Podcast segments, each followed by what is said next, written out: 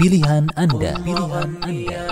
Di acara ini, Anda kami beri kesempatan untuk memilih materi pilihan Anda dari materi-materi yang Anda sukai di antara materi yang paling penting yang Anda harus pahami. Selamat mengikuti. زيف راية السلام غني للعرب جراح يا ترى من ذا الملام. غزة الأبطال أمست تشتكي جور اللئام. غني للعرب جراح يا ترى من ذا الملام. غزة الأبطال أمست تشتكي جور اللئام. تسرق الأفراح منها ثم توزة تستضام. وكذا العدل فلا لا تشتكي هذا النظام. تسرق الأفراح منها ثم توزة تستضام. وكذا العدل فلا لا تشتكي هذا النظام. Bismillah, Assalamualaikum warahmatullahi wabarakatuh Alhamdulillahirrabbilalamin Wassalatu wassalamu ala al-mab'uthi rahmatan lil alamin Muhammad ibn Abdullah as-sadiqil wa'dil amin Ya, pendengar yang berbahagia di mana pun saat ini Anda berada. Apa kabarnya Anda pada kesempatan yang berbahagia kali ini? Semoga kita semua selalu berada dalam keadaan sehat walafiat dan tak kurang suatu apa pun. Juga selalu dalam lindungan Allah subhanahu wa ta'ala. Amin وغني يا حمام إن جرحي لا ينام قم وغني يا حمام إن جرحي لا ينام قم وغني قد مللنا زيف راية Ya, pendengar yang berbahagia dimanapun saat ini Anda berada. Alhamdulillah pada kesempatan yang berbahagia kali ini, saya Mas Udi bisa kembali menyapa ruang Anda di, di frekuensi 99.3 Fajri FM Suara Kebangkitan Islam. Belajar Islam menjadi lebih mudah. العرب جراح يا ترى من ذا الملام غزة الأبطال أمست تشتكي جور اللئام تسرق الأفراح منها ثم توزة Ya, pendengar yang berbahagia dimanapun saat ini Anda berada.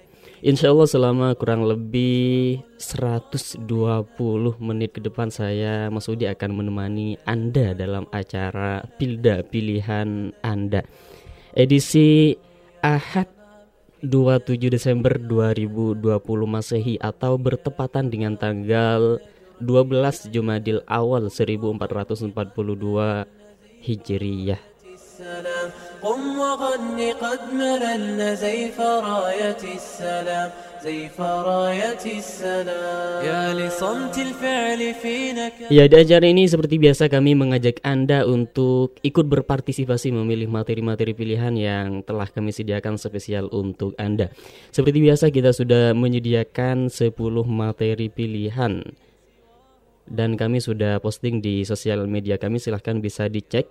Di materi yang pertama dengan tema mencetak anak yang berprestasi. Ya, di materi yang pertama dengan tema mencetak anak yang berprestasi. Adapun di materi yang kedua dengan tema janganlah marah bagimu jannah atau surga. Ya, di materi yang kedua dengan tema janganlah marah bagimu jannah. Adapun di materi yang ketiga dengan tema kezoliman yang membinasakan. Ya, di materi yang ketiga dengan tema kezoliman yang membinasakan. Di materi yang keempat dengan tema doa agar terhindar dari fitnah Zajjal. Di materi yang keempat dengan tema doa agar terhindar dari fitnah Dajjal. Adapun di materi yang kelima dengan tema gunung pun bersujud kepadanya. Di materi yang kelima dengan tema gunung pun bersujud kepadanya. Di materi yang keenam dengan tema jangan jadi bunglon. Di materi yang keenam dengan tema jangan jadi bunglon. Adapun di materi yang ketujuh dengan tema keutamaan qanaah. Ya, di materi yang ketujuh dengan tema keutamaan qanaah dan di materi yang kedelapan dengan tema dahsyatnya fitnah dajjal. Di materi yang kedelapan dengan tema dahsyatnya fitnah dajjal. Di materi yang kesembilan dengan tema akibat dari perbuatan mesum. Ya, di materi yang ke-9 dengan tema akibat dari perbuatan mesum. Adapun di materi yang ke-10 atau yang terakhir dengan tema zikir setelah sholat fardu yang disunnahkan. Ya, di materi yang ke-10 atau materi yang ke terakhir dengan tema zikir setelah sholat fardu yang disunnahkan. تشتكي هذا النظام. تسرق الأفراح منها ثم توزة تستضام. وكذا العدل فلا لا تشتكي هذا النظام. قم وغني يا حمام إن جرحي لا ينام. قم وغني يا حمام Ya pendengar yang berbahagia dimanapun saat ini Anda berada. Ke 10 materi-materi tersebut bisa Anda request, bisa Anda pilih dengan cara mengirimkan pesan singkat ke 0811 11 10 993 0811 11 10 993 0811 11 10 993 Bisa via WhatsApp, SMS atau melalui polling Telegram atau juga bagi Anda yang lagi on di Facebooknya silahkan bisa bergabung via Facebook di facebook.com garis miring radio Fajri ya facebook.com garis miring radio Fajri dengan cara mengirimkan pesan singkat di kolom komentar materi manakah yang ingin anda pahami atau ingin anda merujuk silahkan bisa langsung mulai dari sekarang.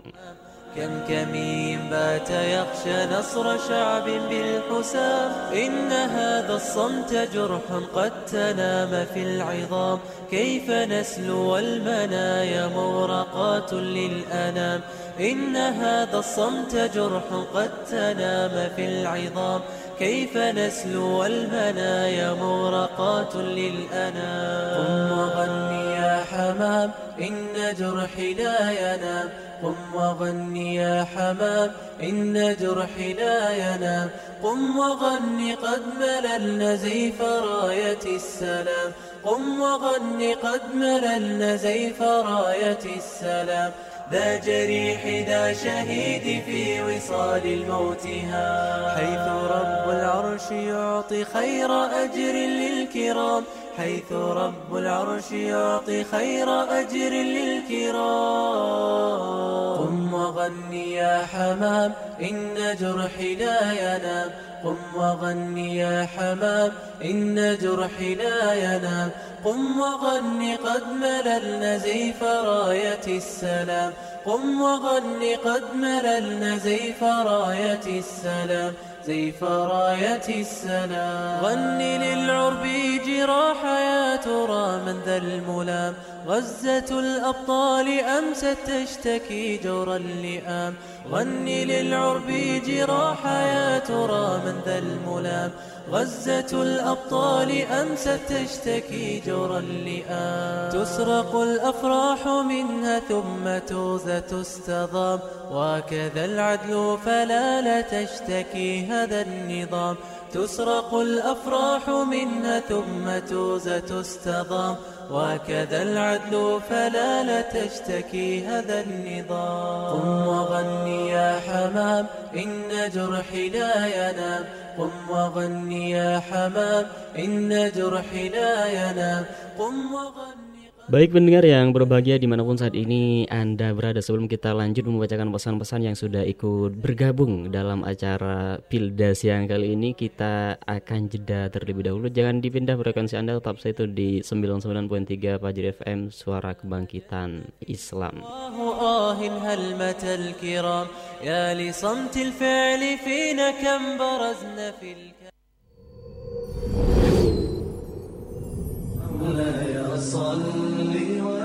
kesyirikan, kezoliman, perzinahan, dan kedustaan adalah sebagian tanda-tanda akhir zaman.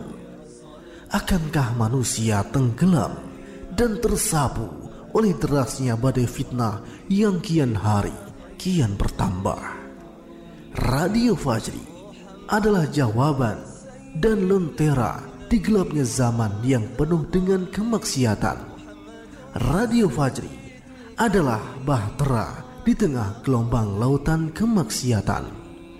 Radio Fajri adalah suara kebangkitan Islam. Raih pahala dari sekian ratus ribu jiwa yang bertobat berzikir, dan beramal soleh. Nama saya Ihsan Sahid Sanjani. Dengan mendengarkan Radio Fajri, saya lebih banyak mendapatkan wawasan ilmu agama Islam yang sesuai dengan Al-Quran dan As-Sunnah. Nama saya Rahmat. Saya mendengarkan Radio Fajri sudah hampir satu tahun. Dengan selalu mendengarkan Radio Fajri, saya sudah bertambah ilmu. Saya Bima Arya, Wali Kota Bogor. Kepada seluruh warga Bogor yang saya cintai, simak terus Radio Fajri 99,3 FM. Sukseskan dakwah Radio Fajri dengan cara berdonasi melalui Yayasan Peduli Fajar Imani. Nomor rekening Bank Syariah Mandiri 7068 790 268 7068 790 268 atas nama Yayasan Peduli Fajar Imani. Untuk informasi dan konfirmasi, hubungi 0852 1820 8707. Yayasan Peduli Fajar Imani bersama menebar hidayah.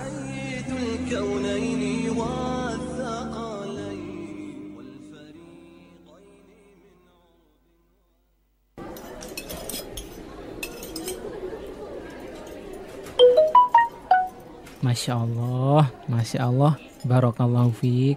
Kenapa ah? Ini pesan broadcast dari Radio Fajri. Wah, aneh kok nggak dapet ya? Padahal aneh pendengar setia juga nih. Udah daftar belum? Lebih dekat dengan Radio Fajri, belajar Islam jadi lebih mudah. Daftarkan diri Anda update informasi seputar keislaman dan dapatkan nasihat, gambar, dan video islami dari Radio Fajri. Serta jadilah agen penebar hidayah. Ketik nama, tanda pagar kecamatan, tanda pagar kota domisili, dan kirim melalui WhatsApp ke nomor 0811 1110 993. 0811 1110 993. Wah, kudu langsung daftar nih. Iyalah, daftar buruan. Dan jangan lupa ah, pakai WhatsApp ya, bukan pakai SMS. Murnikan pengetahuan Islam Anda dengan selalu mendengar Radio Fajri. Jadikan Fajri pembimbing Islami keluarga Anda. Sebarkan info media ini dan dapatkan pahala berlimpah. Radio Fajri, suara kebangkitan Islam. قم وغني يا حمام إن جرحي لا ينام. قم وغني يا حمام إن جرحي لا ينام. قم وغني قد مللنا زيف راية السلام. قم وغني قد مللنا زيف راية السلام.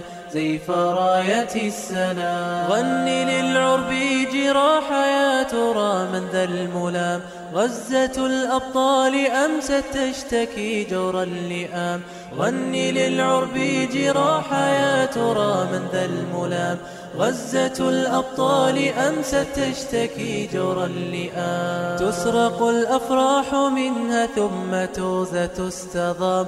وكذا العدل فلا لا تشتكي هذا النظام.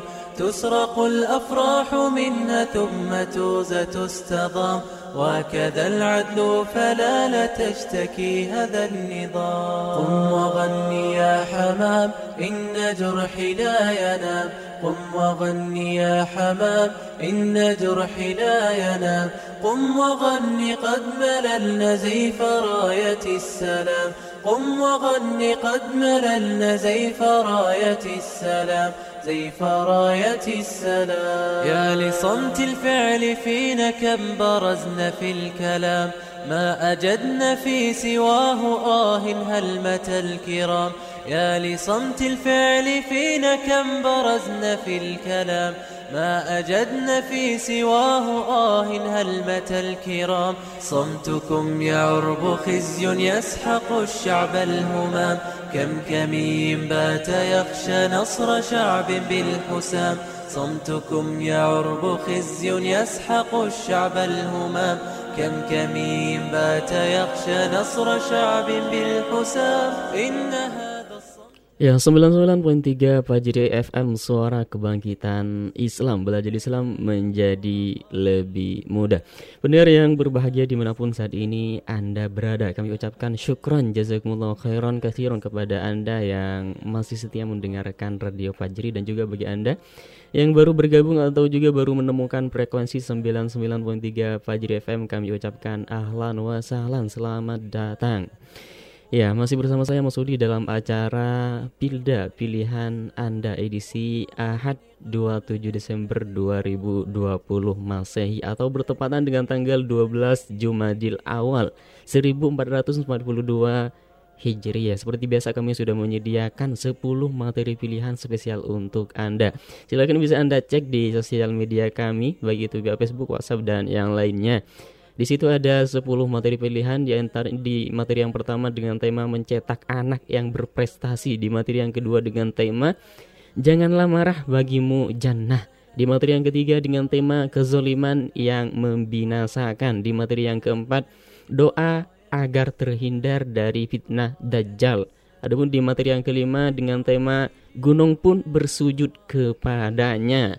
Di materi yang keenam dengan tema jangan jadi bunglon. Di materi yang ketujuh dengan tema keutamaan kona'ah. Di materi yang kedelapan dengan tema dahsyatnya fitnah dajjal. Di materi yang kesembilan dengan tema akibat dari perbuatan musuh.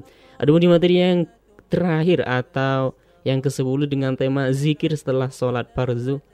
Zikir setelah sholat fardu yang disunnahkan. Ya, zikir setelah sholat fardu yang disunnahkan. Seperti apakah penjelasannya dari ke-10 materi tersebut silahkan Anda bisa mengirimkan pesan singkat langsung ke 0811 11 10 993 0811 11 10 993 bisa via WhatsApp, SMS atau Telegram atau juga bagi Anda yang lagi on di Facebooknya silahkan bisa bergabung via Facebook.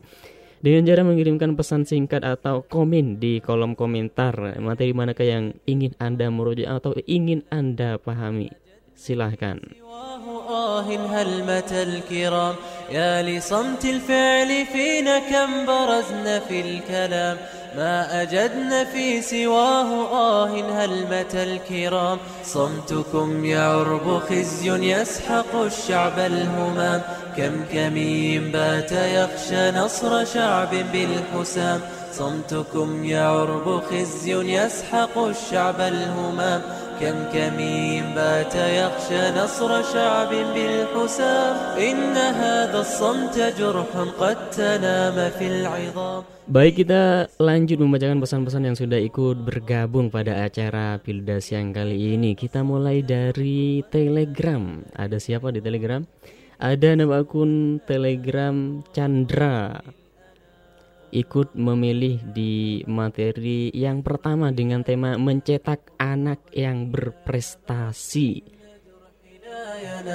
قم وغن قد مللنا زيف راية السلام قم وغن Ya masih dari telegram setelah Chandra ada siapa lagi Ada nama akun Muhammad Saiful Rohman katanya Ya nama akun telegramnya Muhammad Saiful Rohman Ikut bergabung dengan memilih di materi yang pertama yaitu mencetak anak yang berprestasi. Terus di belakangnya ada juga Abu Ammar terus ada juga Dina ada juga nama akun telegram Naura Isel. Terus ada juga nama akun telegram Mama ada juga nama akun telegramnya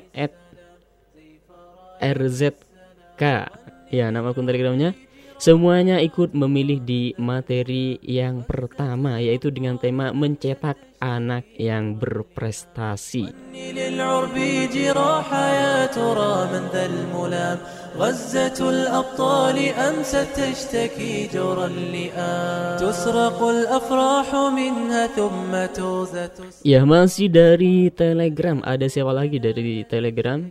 Ada nama akun Telegram Abu Hamid 15 Ada juga Ed Adi99 Ada juga Nindia Rohma Ada juga Ed Galeri Galer Lira katanya.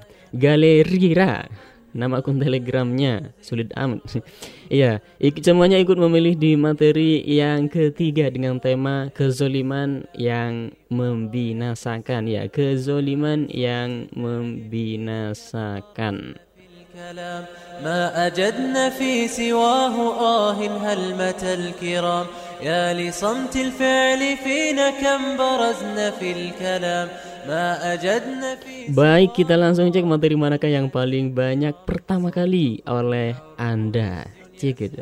الشعب الهمام كم كمين بات يخشى نصر شعب بالحسام صمتكم يعرب خزي يسحق الشعب الهمام كم كمين بات يخشى نصر شعب بالحسام Iya, ternyata berada di materi yang pertama dan kedua. Di materi yang pertama dengan tema mencetak anak yang berprestasi dan di materi yang kedua dengan tema janganlah marah bagimu jannah. Seperti apa penjelasannya? Silahkan disimak inilah materi pilihan Anda.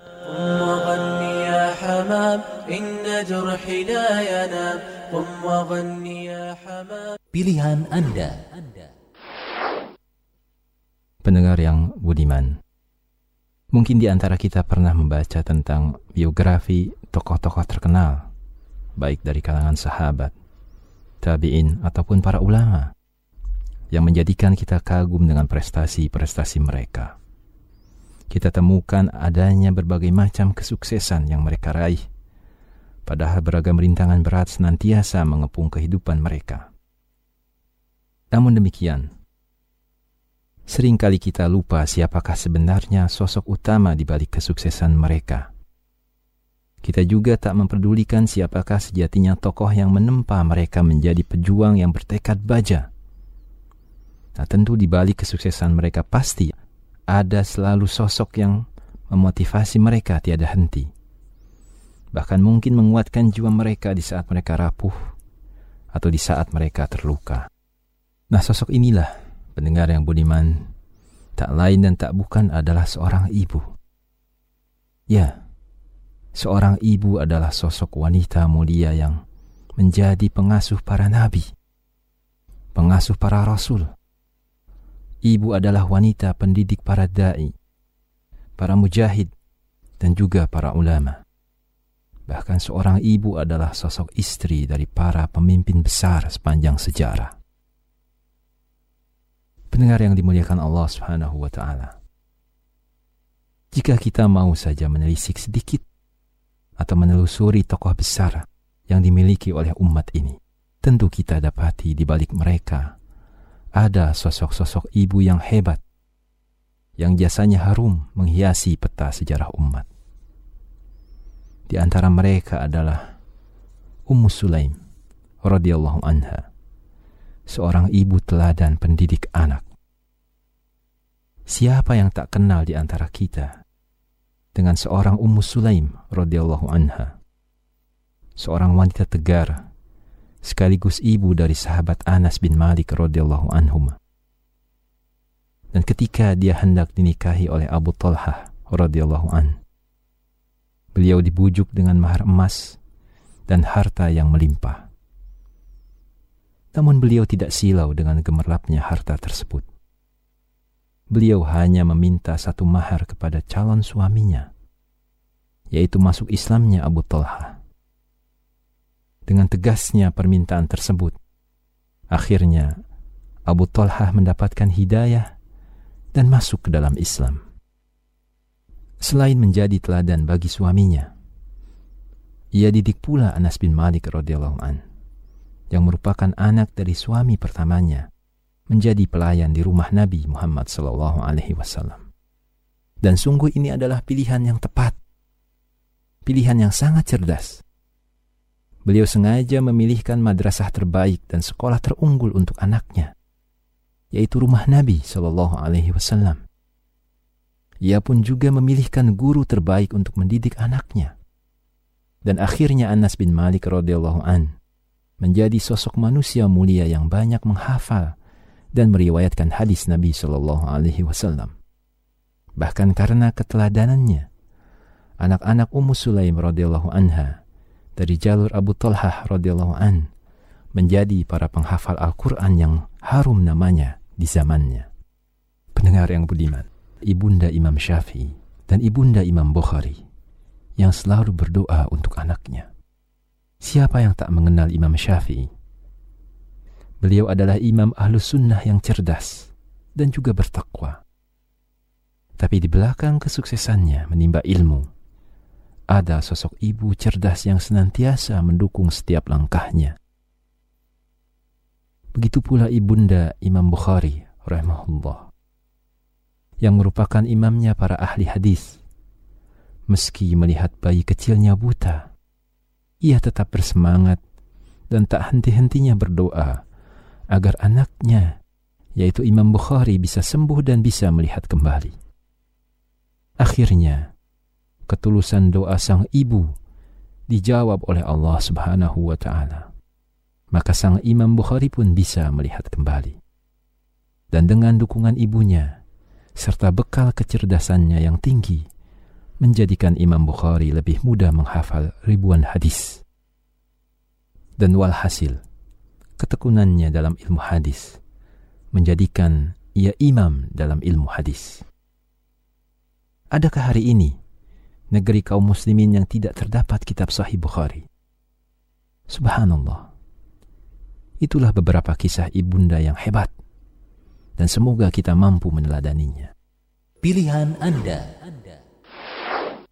Di antara ketaatan kepada Allah Subhanahu wa taala adalah menahan amarah yang racunnya menjadikan akal pikiran seorang hamba kacau dan tak terarah. Tangan mengepal, lisan mencela, kaki menendang dan muka memerah. Semua ini disebabkan dari pengaruh setan yang ingin menjadikan hambanya jauh dari Allah subhanahu wa ta'ala yang maha pemurah. Saudaraku kaum muslimin, a'azani Allah wa iyakum seorang muslim yang bisa menjaga sifat marah akan dimasukkan oleh Allah Subhanahu wa taala ke dalam jannah. Hal ini sebagaimana hadis dari Rasulullah sallallahu alaihi wasallam yang diriwayatkan oleh Imam At-Tabrani dengan sanad yang sahih. An Abi Darda qala qultu ya Rasulullah dullani ala amalin yudkhilni al-jannah. Qala la taqdab walakal jannah.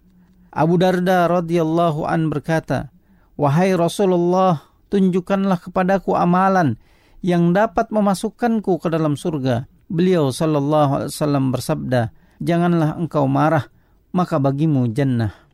Saudaraku kaum muslimin, a'azani Allah wa iyyakum. Hadis Rasulullah sallallahu alaihi wasallam yang mulia tersebut menunjukkan betapa agungnya balasan menahan marah, yaitu mendapatkan surga yang abadi. Berkaitan dengan hal ini Imam Al-Munawi rahimahullah berkata, dengan menahan marah seseorang akan mendapatkan kebaikan dunia dan ukhrawi. Di dunia, seorang yang mampu menahan marah akan dihormati dan disegani, sedang di akhirat kelak dia akan dimasukkan ke dalam jannah, yaitu tempat yang penuh kenikmatan berupa istana, kebun, buah, makanan, minuman, dan bidadari nan cantik jelita. Kemudian dia pun akan dipersilakan menikmati memandang wajah ilahi sebagai kenikmatan tertinggi. Surga sudah dipersiapkan untuk mereka yang bertakwa kepada Allah Azza wa Jalla. Di antara sifat mereka adalah berinfak di waktu lapang dan sempit serta senantiasa berbuat ihsan. Allah Azza wa Jalla berfirman dalam Al-Quran surat Al-Imran ayat 134. A'udzu billahi as-sami'il 'alim minasyaitonir rajim. الذي ينفقون في والعافين عن الناس والله يحب المحسنين. Orang-orang yang menafkahkan hartanya baik di waktu lapang maupun di waktu sempit dan orang-orang yang menahan amarahnya dan memaafkan kesalahan orang Allah menyukai orang-orang yang berbuat kebajikan berkaitan dengan ayat ini Imam Ibnu Katsir rahimahullah berkata perkataan Allah Subhanahu wa taala orang-orang yang menahan amarahnya dan memaafkan kesalahan orang artinya adalah seseorang yang menyembunyikan rasa marahnya dan memaafkan keburukan yang dilakukan oleh mereka. Riwayat tentang menahan diri ketika marah yaitu diriwayatkan oleh Imam Ahmad dan Abu Daud dengan sanad hasan bahwa Rasulullah sallallahu alaihi wasallam bersabda man kadzamal ghaidha wa huwa qadirun ala ayyun kidahu.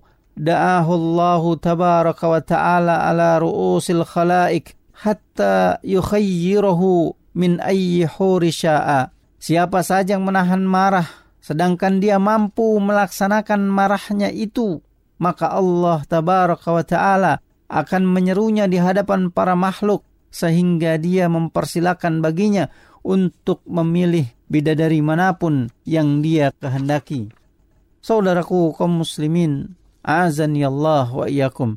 Sifat marah adalah tabiat bagi manusia. Sifat ini tidak mungkin untuk dihilangkan sehingga Allah Subhanahu wa taala pun tidak memerintahkan manusia untuk menghilangkannya. Akan tetapi Allah Azza wa Jalla memerintahkan manusia untuk menahannya dan tidak menampakkannya di hadapan kaum muslimin yang lain. Siapa saja yang bisa melakukan hal ini, maka dijanjikan masuk ke dalam surga dengan segala kesenangan yang ada di dalamnya. Pilihan Anda. قم وغني يا حمام إن جرحي لا ينام قم وغني يا حمام إن جرحي لا ينام قم وغني قد مللنا زيف راية السلام. قم وغني قد مللنا زيف راية السلام. زيف راية السلام غني للعرب جراح يا ترى من ذا الملام. غزة الأبطال أمست تشتكي جور اللئام. غني للعرب جراح يا ترى من ذا الملام. غزة الأبطال أمست تشتكي جور اللئام تسرق الأفراح منها ثم توزة تستضام. وكذا العدل فلا لا تشتكي هذا النظام. تسرق الأفراح منها ثم توزة تستضام. وكذا العدل فلا لا تشتكي هذا النظام. قم وغني يا حمام إن جرحي لا ينام. قم وغني يا حمام إن جرحي لا ينام. قم وغني قد مللنا زيف راية السلام. قم وغني قد مللنا زيف راية السلام. زيف راية السلام؟ يا لصمت الفعل فينا كم برزنا في الكلام. ما أجدنا في سواه آه هلمة الكرام؟ يا لصمت الفعل فينا كم برزنا في الكلام. ما أجدنا في سواه آه هلمة الكرام. صمتكم يعرب خزي يسحق الشعب الهمام. كم كمين بات يخشى نصر شعب بالحسام. صمتكم يعرب خزي يسحق الشعب الهمام. كم كمين بات يخشى نصر شعب بالحسام. إن هذا الصمت جرح قد تنام في العظام. كيف نسلو والمنايا مورقات للأنام. Ya itulah materi pilihan Anda berada di materi yang pertama dan kedua. Di materi yang pertama dengan tema mencetak anak yang berprestasi Dan di materi yang kedua dengan tema janganlah marah Janganlah marah bagimu jannah. Kami ucapkan syukron jazakumullah khairan kasiran kepada Anda yang telah ikut berpartisipasi memilih materi pilihan pada acara Pilda siang kali ini. Terkhusus di materi yang pertama dan kedua. Semoga bermanfaat dan juga menambah pahala dan atau serta ditunggu untuk berpartisipasi kembali di acara yang lainnya. قم وغني يا حمام إن جرحي لا ينام قم وغني يا حمام إن جرحي لا ينام. قم وغني قد مللنا زيف راية السلام. قم وغني قد مللنا زيف راية السلام. زيف راية السلام. غني للعرب جراح يا ترى من ذا الملام. Baik, kita lanjut membacakan pesan-pesan yang sudah ikut bergabung memilih materi pilihan pada acara Pilda siang kali ini. Kita mulai dari WhatsApp. Ada siapa dari WhatsApp? Ada ada Syawaludin dari Citer Bogor katanya ikut memilih materi nomor 4 dan delapan. فلا لا تشتكي هذا النظام تسرق الأفراح منها ثم توزة تستضام وكذا العدل فلا لا تشتكي هذا النظام قم وغني يا Lanjut masih dari WhatsApp ada Igu Hartono Igun pilih materi nomor 3, 9 dan 10 syukron katanya Afwan قم وغن قد مللنا زيف راية السلام زيف راية Setelah Igu Hartono Igun masih dari WhatsApp ada Rahmat Hidayatullah katanya P PBA 2 katanya dari Cimanglit pilih nomor 6 apa di materi yang keenam yaitu dengan tema jangan jadi bunglon الكرام صمتكم يعرب خزي يسحق الشعب الهمام كم كمين بات Ya masih dari WhatsApp ada siapa lagi dari WhatsApp setelah Rahmat Hidayatullah ada Dang Sutrisno dari Karang Bahagia Bekasi katanya belum menyebutkan materi pilihannya yang mana dari ke 10 materi yang telah kami siapkan إن هذا الصمت جرح قد تنام في العظام كيف نسلو والمنايا مغرقات للأنام Ya masih dari WhatsApp ada siapa lagi dari WhatsApp ada hamba Allah tidak menyebutkan domisili ikut memilih materi nomor 2 dan 3 karena di materi yang kedua dengan tema janganlah marah bagimu jannah. Dan di materi yang ketiga dengan tema kezoliman yang membinasakan.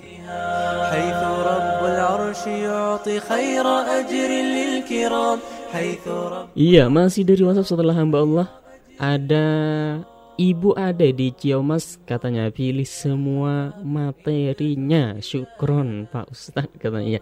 Afwan. Inna jurhina yanam Qum wa ghanni qad malalna zayfa rayati salam. Qum wa ghanni qad malalna Ya masih dari WhatsApp setelah Ibu Ade ada siapa lagi dari WhatsApp? Ada siapa ini? Ada Ibu Sari. Pesannya insya Allah saya memilih semua materi karena semua materi perlu dipahami secara islami dari Ustadz katanya. Semoga sehat selalu untuk semua yang bertugas di Radio Fajri 99 poin 3 amin.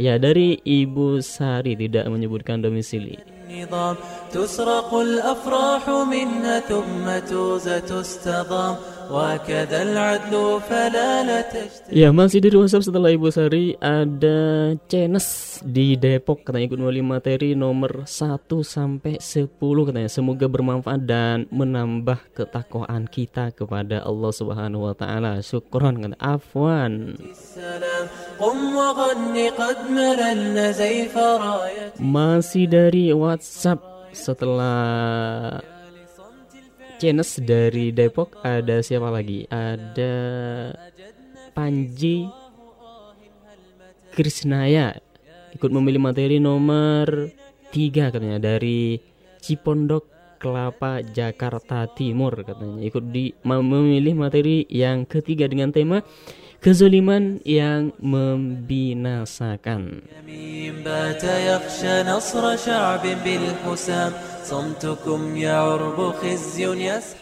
Baik pendengar yang berbahagia di mana pun saat ini Anda berada. Kita cek terlebih dahulu materi manakah yang paling banyak dipilih oleh Anda setelah materi yang telah kita putarkan.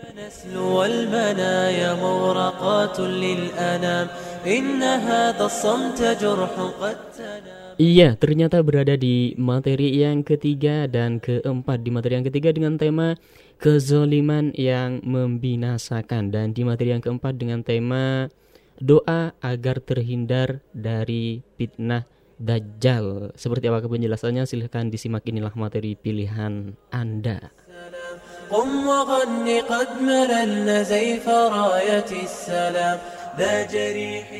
Pilihan Anda Pendengar yang dirahmati Allah Menunaikan hak seorang muslim terhadap muslim yang lain itu sangat besar pahalanya. Allah Azza wa Jalla lah yang telah mengangkat derajatnya. Sebaliknya, melanggar hak mereka adalah sebuah kezaliman yang dimurkai Allah. Sampai-sampai dalam sebuah hadis dijelaskan bahwa hancurnya dunia itu lebih ringan di sisi Allah daripada terbunuhnya seorang mukmin. Oleh karena itu, Islam melarang keras segala tindakan kezaliman terhadap sesama muslim, bahkan secara umum kepada seluruh manusia, baik dalam hal kehormatan, jiwa, raga, ataupun harta. Allah Azza wa Jalla mengancam dengan ancaman yang amat berat dalam surat Asy-Syura ayat 42. Innamas sabilu 'ala alladhina yadhlimuna an-nasa wa yabghuna fil ardi bighairil haqq ulaika lahum adzabun alim. Sesungguhnya dosa itu atas orang-orang yang berbuat zalim kepada manusia dan melampaui batas di muka bumi tanpa hak maka mereka akan mendapat azab yang pedih.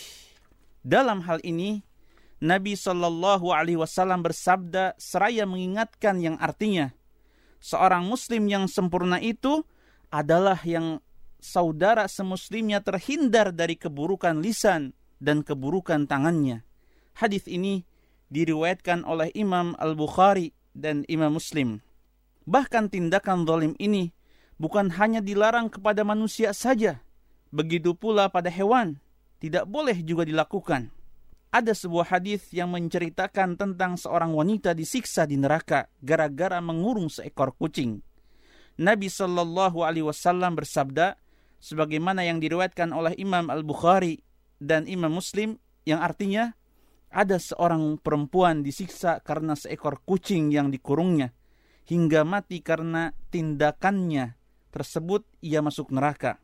Wanita itu tidak memberi kucing tersebut makan, tidak pula minum ketika ia mengurungnya. Juga kucing tersebut tidak dibolehkan untuk memakan serangga-serangga di tanah. Sadarilah bahwa Allah tidaklah lengah dari gerak-gerik kita, meski terbalut malam yang gelap. Dalam kesunyian atau kesendirian, Allah melihat kita. Dan persidangan adil di hari kiamat telah menanti kita untuk sebuah balasan yang setimpal. Hal ini berdasarkan firman Allah Azza wa Jalla dalam surat Ibrahim ayat 42 dan 43.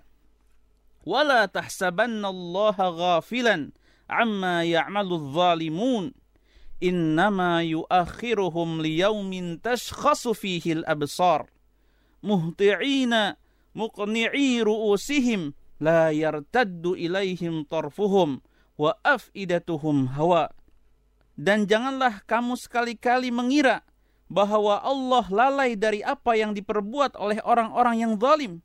Sesungguhnya Allah memberi tangguh kepada mereka sampai hari yang pada waktu itu mata mereka terbelalak.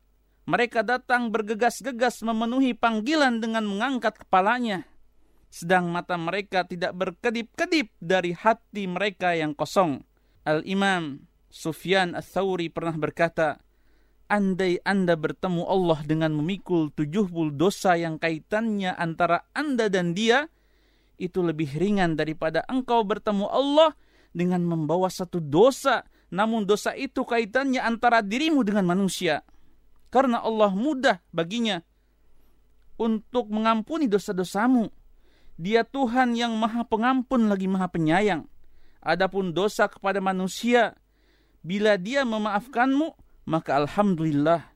Namun bila tidak, maka harus ada sidang untuk mengembalikan hak mereka yang terzalimi. Imam Ash-Syafi'i juga pernah berpesan, seburuk-buruk bekal menuju hari kebangkitan adalah dosa permusuhan dengan sesama hamba.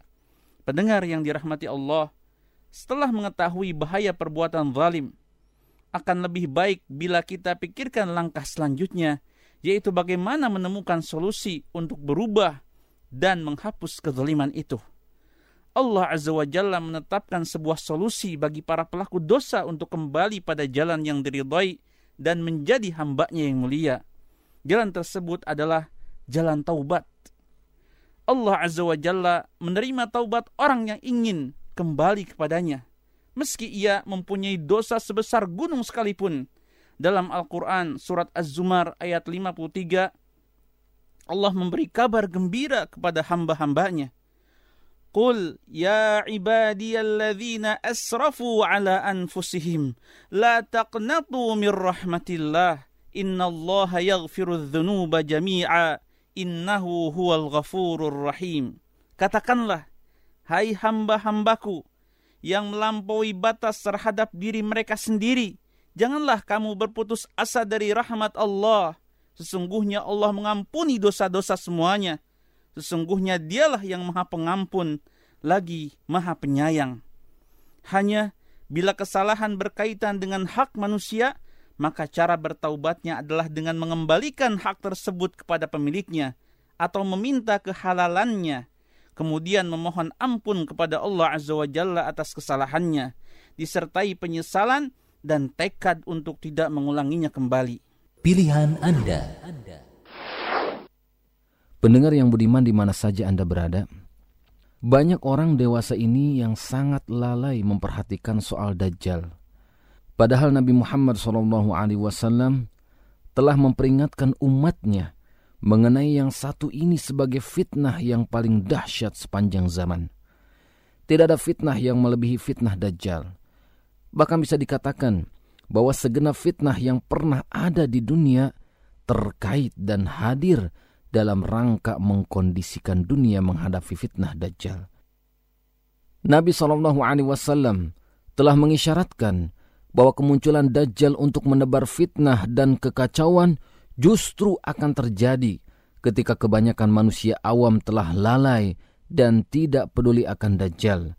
Sehingga bila ada yang membicarakan soal Dajjal, maka mereka cenderung menertawakannya dan menganggapnya sekedar sebagai mitos atau legenda. Demikian pula halnya dengan orang-orang pintar ketika itu, malah para penceramah, dai dan imam di mimbar-mimbar tidak memandang perlu untuk mengangkat tema bahaya fitnah dajjal. Hal ini sebagaimana diriwayatkan oleh Imam Ahmad bahwa Rasulullah SAW bersabda, "La yakhrujud dajjal hatta yadhalan nasu an zikrihi tatrukal a'immatu zikrahu 'alal manabir.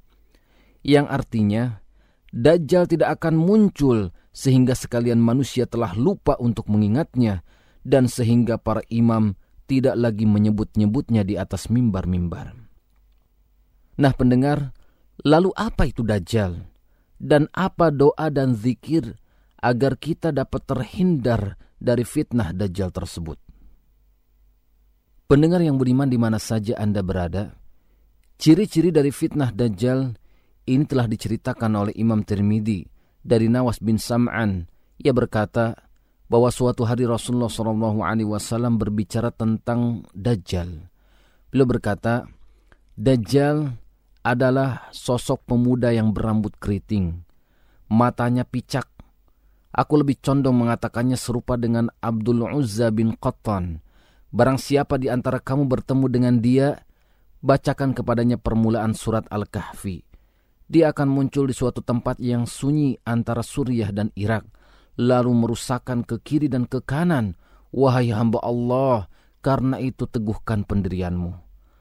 Lalu kami bertanya, berapa lama dia tinggal di bumi ya Rasulullah? Maka Rasulullah SAW menjawab, 40 hari. Sehari seperti setahun, sehari seperti sebulan, sehari seperti sepekan, dan selebihnya seperti hari-hari kami sekarang. Lalu kami bertanya, Ya Rasulullah, ketika sehari seperti setahun, cukupkah kalau kami sholat seperti sholat kami sekarang? Maka jawab beliau, tidak, tetapi hitunglah bagaimana pantasnya. Kami bertanya lagi, berapa kecepatannya berjalan di bumi? Maka jawab beliau, seperti hujan ditiup angin. Kemudian pendengar, dalam riwayat lain yang diriwayatkan oleh Imam Abu Dawud dan At-Tirmidzi, Rasulullah SAW kembali menginformasikan mengenai ciri-ciri Dajjal. Dari Anas bin Malik radhiyallahu an bahwa Rasulullah SAW bersabda yang artinya tidak ada seorang nabi pun melainkan dia mengingatkan umatnya supaya waspada terhadap si picak pembohong besar yakni Dajjal Ketahuilah, dia buta sebelah matanya, sedangkan rohmu tidak picak. Dan antara keduanya tertulis tulisan kafir. Kemudian Ibnu Majah rahimahullah juga meriwayatkan mengenai ciri-ciri Dajjal. Dari Hudzaifah bin Yaman radhiyallahu an bahwa Rasulullah sallallahu alaihi wasallam bersabda, Dajjal matanya tertutup oleh selapis daging tebal, antara keduanya tertulis kafir yang dapat dibaca oleh setiap mukmin, baik yang buta huruf ataupun yang pandai baca tulis. Nah, pendengar, Dajjal selain memiliki ciri-ciri khusus, ia juga memiliki kemampuan yang luar biasa untuk menyesatkan manusia dan tentunya hal ini dengan izin Allah Subhanahu wa taala. Di antara kemampuan Dajjal yaitu bersamanya ada surganya dan nerakanya. Imam Muslim rahimahullah meriwayatkan dari Huzaifah radhiyallahu an bahwa Rasulullah sallallahu alaihi wasallam bersabda, "Ad-dajjalu a'warul 'ainil yusra, jufalu sya'ri, ma'ahu jannatun wa narun, fanaruhu jannatun wa jannatuhu narun." Yang artinya Dajjal cacat matanya yang kiri, keriting rambutnya, bersamanya surga dan nerakanya. Nerakanya adalah surga dan surganya adalah neraka. Selain itu pendengar, dia juga bisa membunuh seseorang dan menghidupkannya kembali. Dalam hadis riwayat Imam Muslim rahimahullah, Rasulullah Shallallahu Alaihi Wasallam bersabda yang artinya, keluarlah pada hari itu seseorang yang terbaik atau di antara orang yang terbaik. Dia berkata, Aku bersaksi bahwa engkau adalah Dajjal yang telah disampaikan kepada kami oleh Rasulullah Shallallahu Alaihi Wasallam. Lalu Dajjal berkata kepada pengikutnya, Apa pendapat kalian jika aku bunuh dia dan aku hidupkan kembali? Apakah kalian masih ragu kepadaku? Mereka berkata tidak. Maka Dajjal membunuhnya dan menghidupkannya kembali. Lantas pendengar yang budiman, apa zikir yang bisa kita baca untuk menghindari fitnah Dajjal? Di antara cara agar kita tidak terkena fitnah Dajjal, yaitu ketika sholat, di dalam tasyahud akhir sebelum salam, kita membaca doa perlindungan dari fitnah Dajjal. Sebagaimana yang terdapat dalam hadis yang diriwayatkan oleh Imam Bukhari dari Abu Hurairah radhiyallahu anhu ia berkata, Rasulullah shallallahu alaihi wasallam bersabda, apabila salah seorang dari kalian bertasyahud, maka berlindunglah kepada Allah dari empat hal. Beliau berkata, Allahumma inni a'udzubika min azabi jahannam wa min fitnatil mahya wal mamati wa min syarri fitnatil masihid dajjal yang artinya ya Allah aku berlindung kepadamu dari azab jahannam dan aku berlindung kepadamu dari azab kubur dan dari fitnah kehidupan dan kematian dan dari keburukan fitnah al-masihid dajjal kemudian pendengar hendaknya kita pun menghafal ayat-ayat di dalam surat Al-Kahfi. Nabi Shallallahu Alaihi Wasallam memerintahkan untuk membaca ayat-ayat di permulaan surat Al-Kahfi untuk berlindung dari fitnah Dajjal. Dan di dalam beberapa riwayat disebutkan ayat-ayat akhirnya, yaitu membaca 10 ayat awal dari surat Al-Kahfi dan ayat-ayat akhirnya. Di antara hadis-hadisnya adalah yang diriwayatkan oleh Imam Muslim dari hadis Nawas bin Sam'an di dalamnya disebutkan sabda beliau Shallallahu Alaihi Wasallam yang artinya, barang siapa yang mendapatinya, yaitu Dajjal, maka bacalah ayat-ayat awal dari surat Al-Kahfi. Diriwayatkan juga oleh Imam Muslim dari Abu Darda bahwa Nabi Wasallam bersabda, yang artinya barang siapa yang menghafal 10 ayat dari awal-awal surat Al-Kahfi, maka dia dilindungi dari fitnah Dajjal. Pilihan Anda. قم وغني يا حمام إن جرحي لا ينام. قم وغني يا حمام إن جرحي لا ينام. قم وغني قد مللنا زيف راية السلام. قم وغني قد مللنا زيف راية السلام. زيف راية السلام. غني للعرب جراح يا ترى من ذا الملام. غزة الأبطال أمست تشتكي جور اللئام غني للعرب جراح يا ترى من ذا الملام. غزة الأبطال أمست تشتكي جور اللئام تسرق الأفراح منها ثم توزة تستضام. وكذا العدل فلا لا تشتكي هذا النظام. تسرق الأفراح منها ثم توزة تستضام.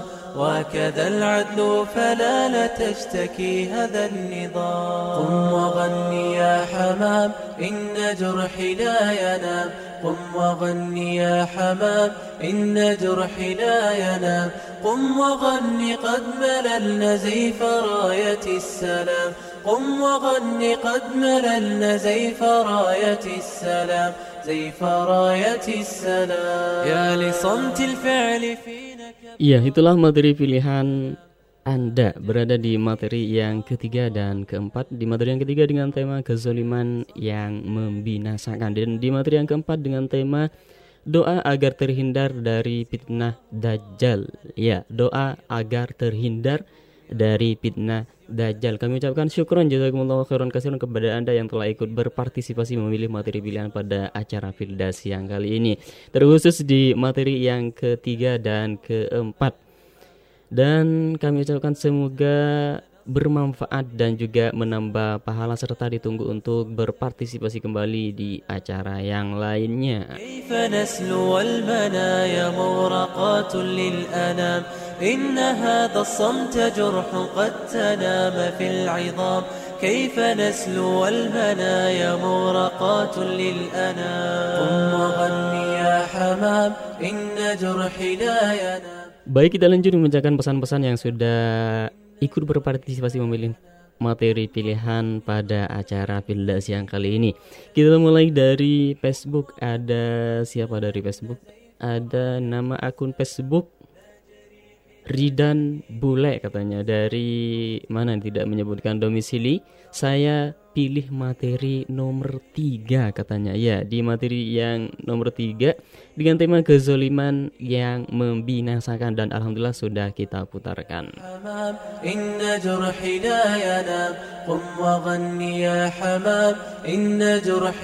Masih dari Facebook setelah nama akun Facebook Ridan Bule ada juga nama akun Facebook Nisa Salsabila dari Depok katanya ikut memilih materi nomor 36 dan 9 sukron kata afwan.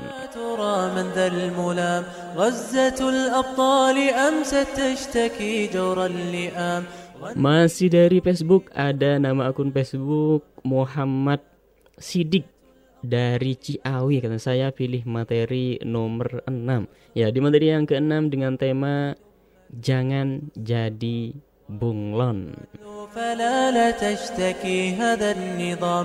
تسرق الأفراح منها ثم توزة تستضام.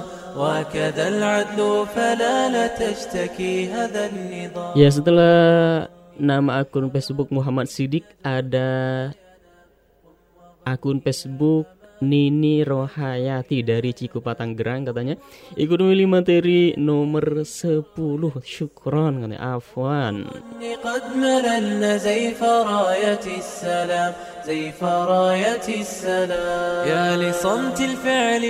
Setelah nama akun Facebook Nini Rohayati ada nama akun Facebook Lilis Handayani dari Bekasi katanya. Ikut memilih materi nomor 3 jasa Allah khair katanya. Ya, alhamdulillah nomor tiganya sudah kita putarkan.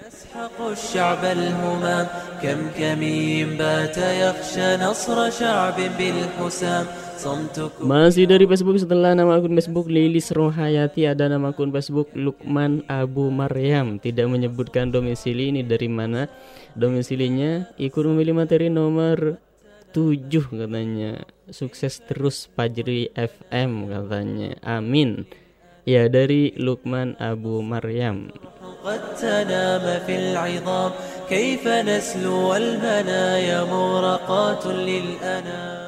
Baik, kita cek kembali materi manakah yang paling banyak dipilih oleh Anda setelah materi-materi yang telah kita putarkan. Cikida. Inna jurhi la yanam Qum wa ghanni qad malalna zayfa rayati salam Iya, ternyata berada di materi yang ke-6 dan ke-8. Di materi yang ke-6 dengan tema Jangan jadi bunglon dan di materi yang ke-8 dengan tema dahsyatnya fitnah Dajjal. Ya, seperti apa penjelasannya? Silahkan disimak inilah materi pilihan Anda.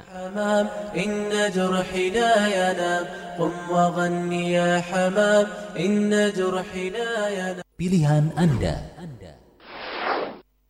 Para pendengar yang budiman kaum muslimin dan muslimat yang dirahmati Allah Subhanahu wa taala.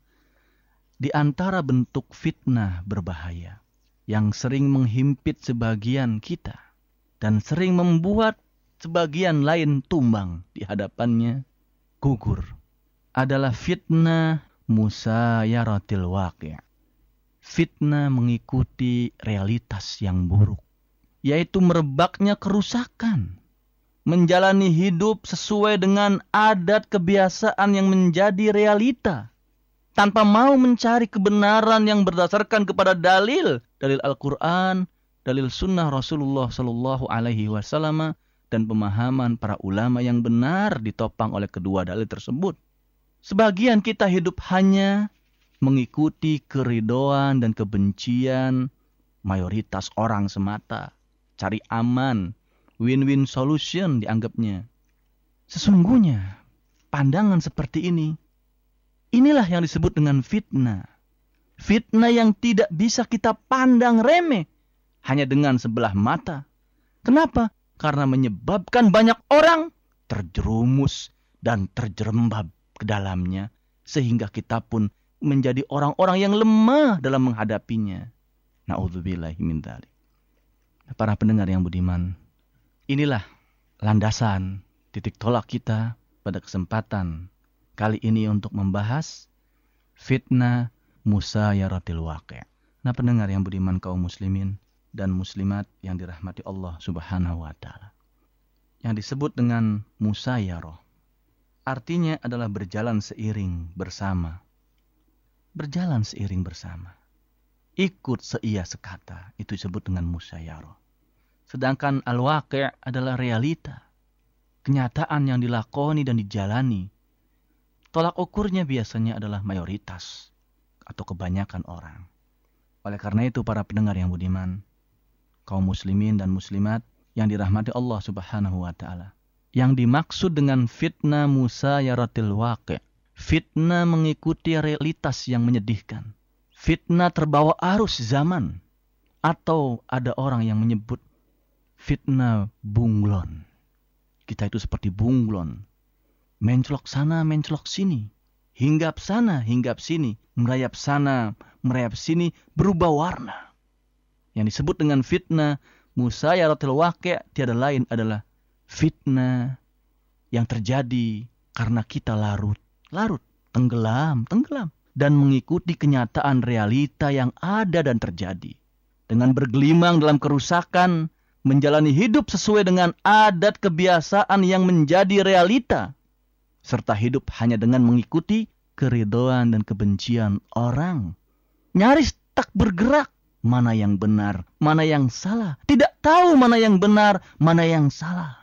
Asal ambil saja, asal ikut saja, asal dikerjakan saja. Itu yang disebut dengan fitnah Musa ya rotil waqi'. Para pendengar yang budiman, sesungguhnya berkaitan dengan fitnah ini, Rasulullah Shallallahu Alaihi Wasallam telah mengingatkan kita semua di dalam sebuah hadis yang diriwayatkan oleh Al Imam At-Tirmidzi. Rasulullah Shallallahu alaihi wasallam bersabda, "La takunu imma'atan."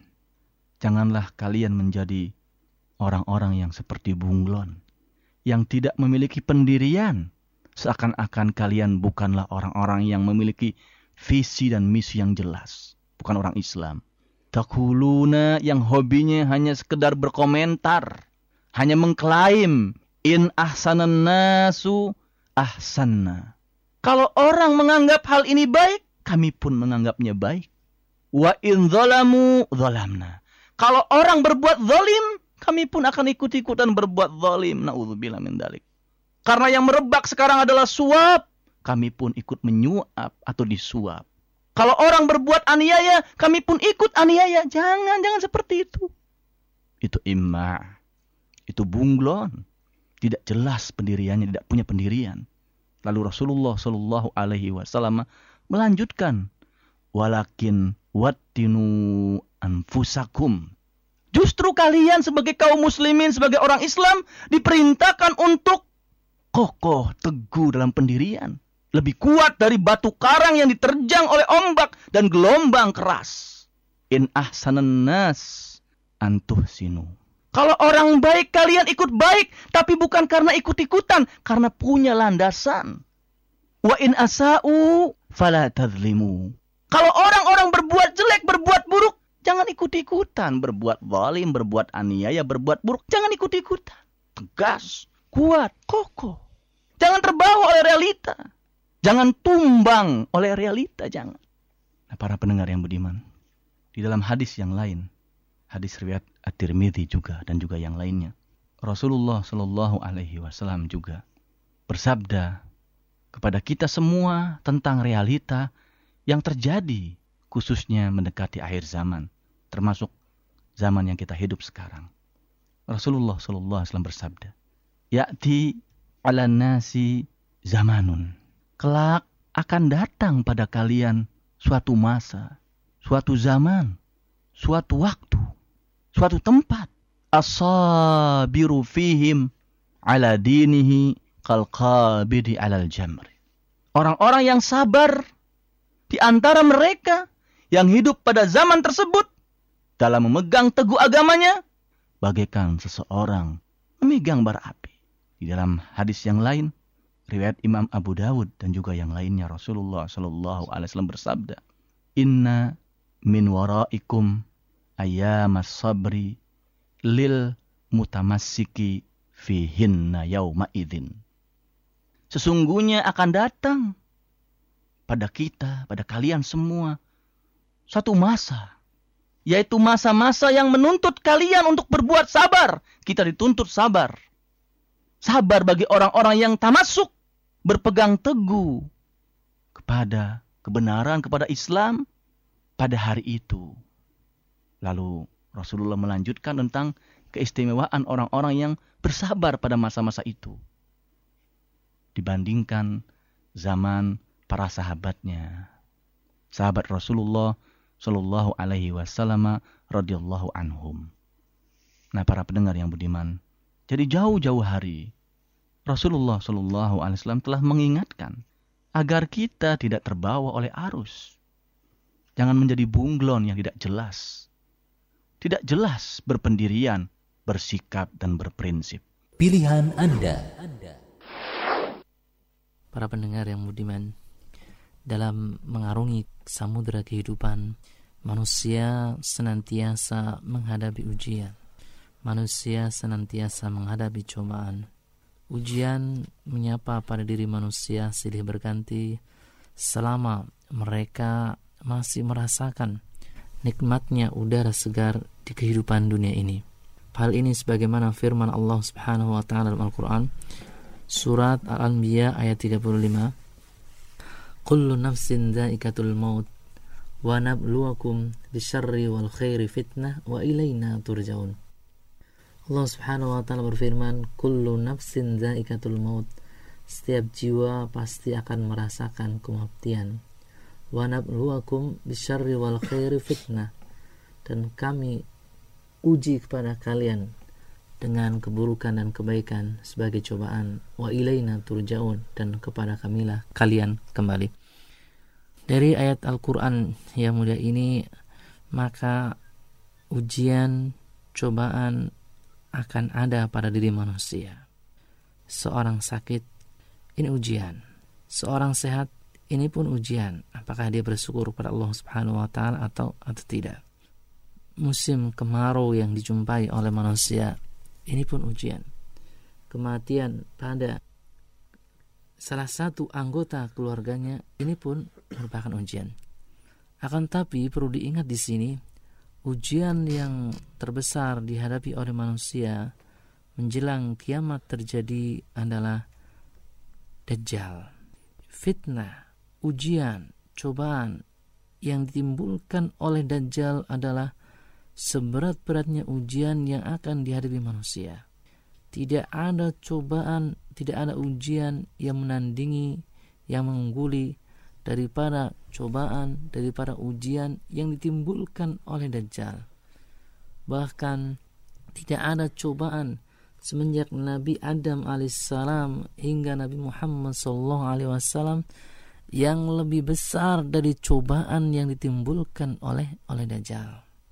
Sehingga Rasulullah sallallahu alaihi wasallam bersabda dalam hadis yang sahih ma baina khalqi Adam ila qiyamis sa'ah khalqun akbaru minad dajjal ma baina khalqi Adam ila qiyamis sa'ah tidak ada satupun makhluk sejak Adam diciptakan hingga terjadinya kiamat khalqun akbar minad dajjal yang fitnahnya yang cobaannya lebih besar daripada dajjal.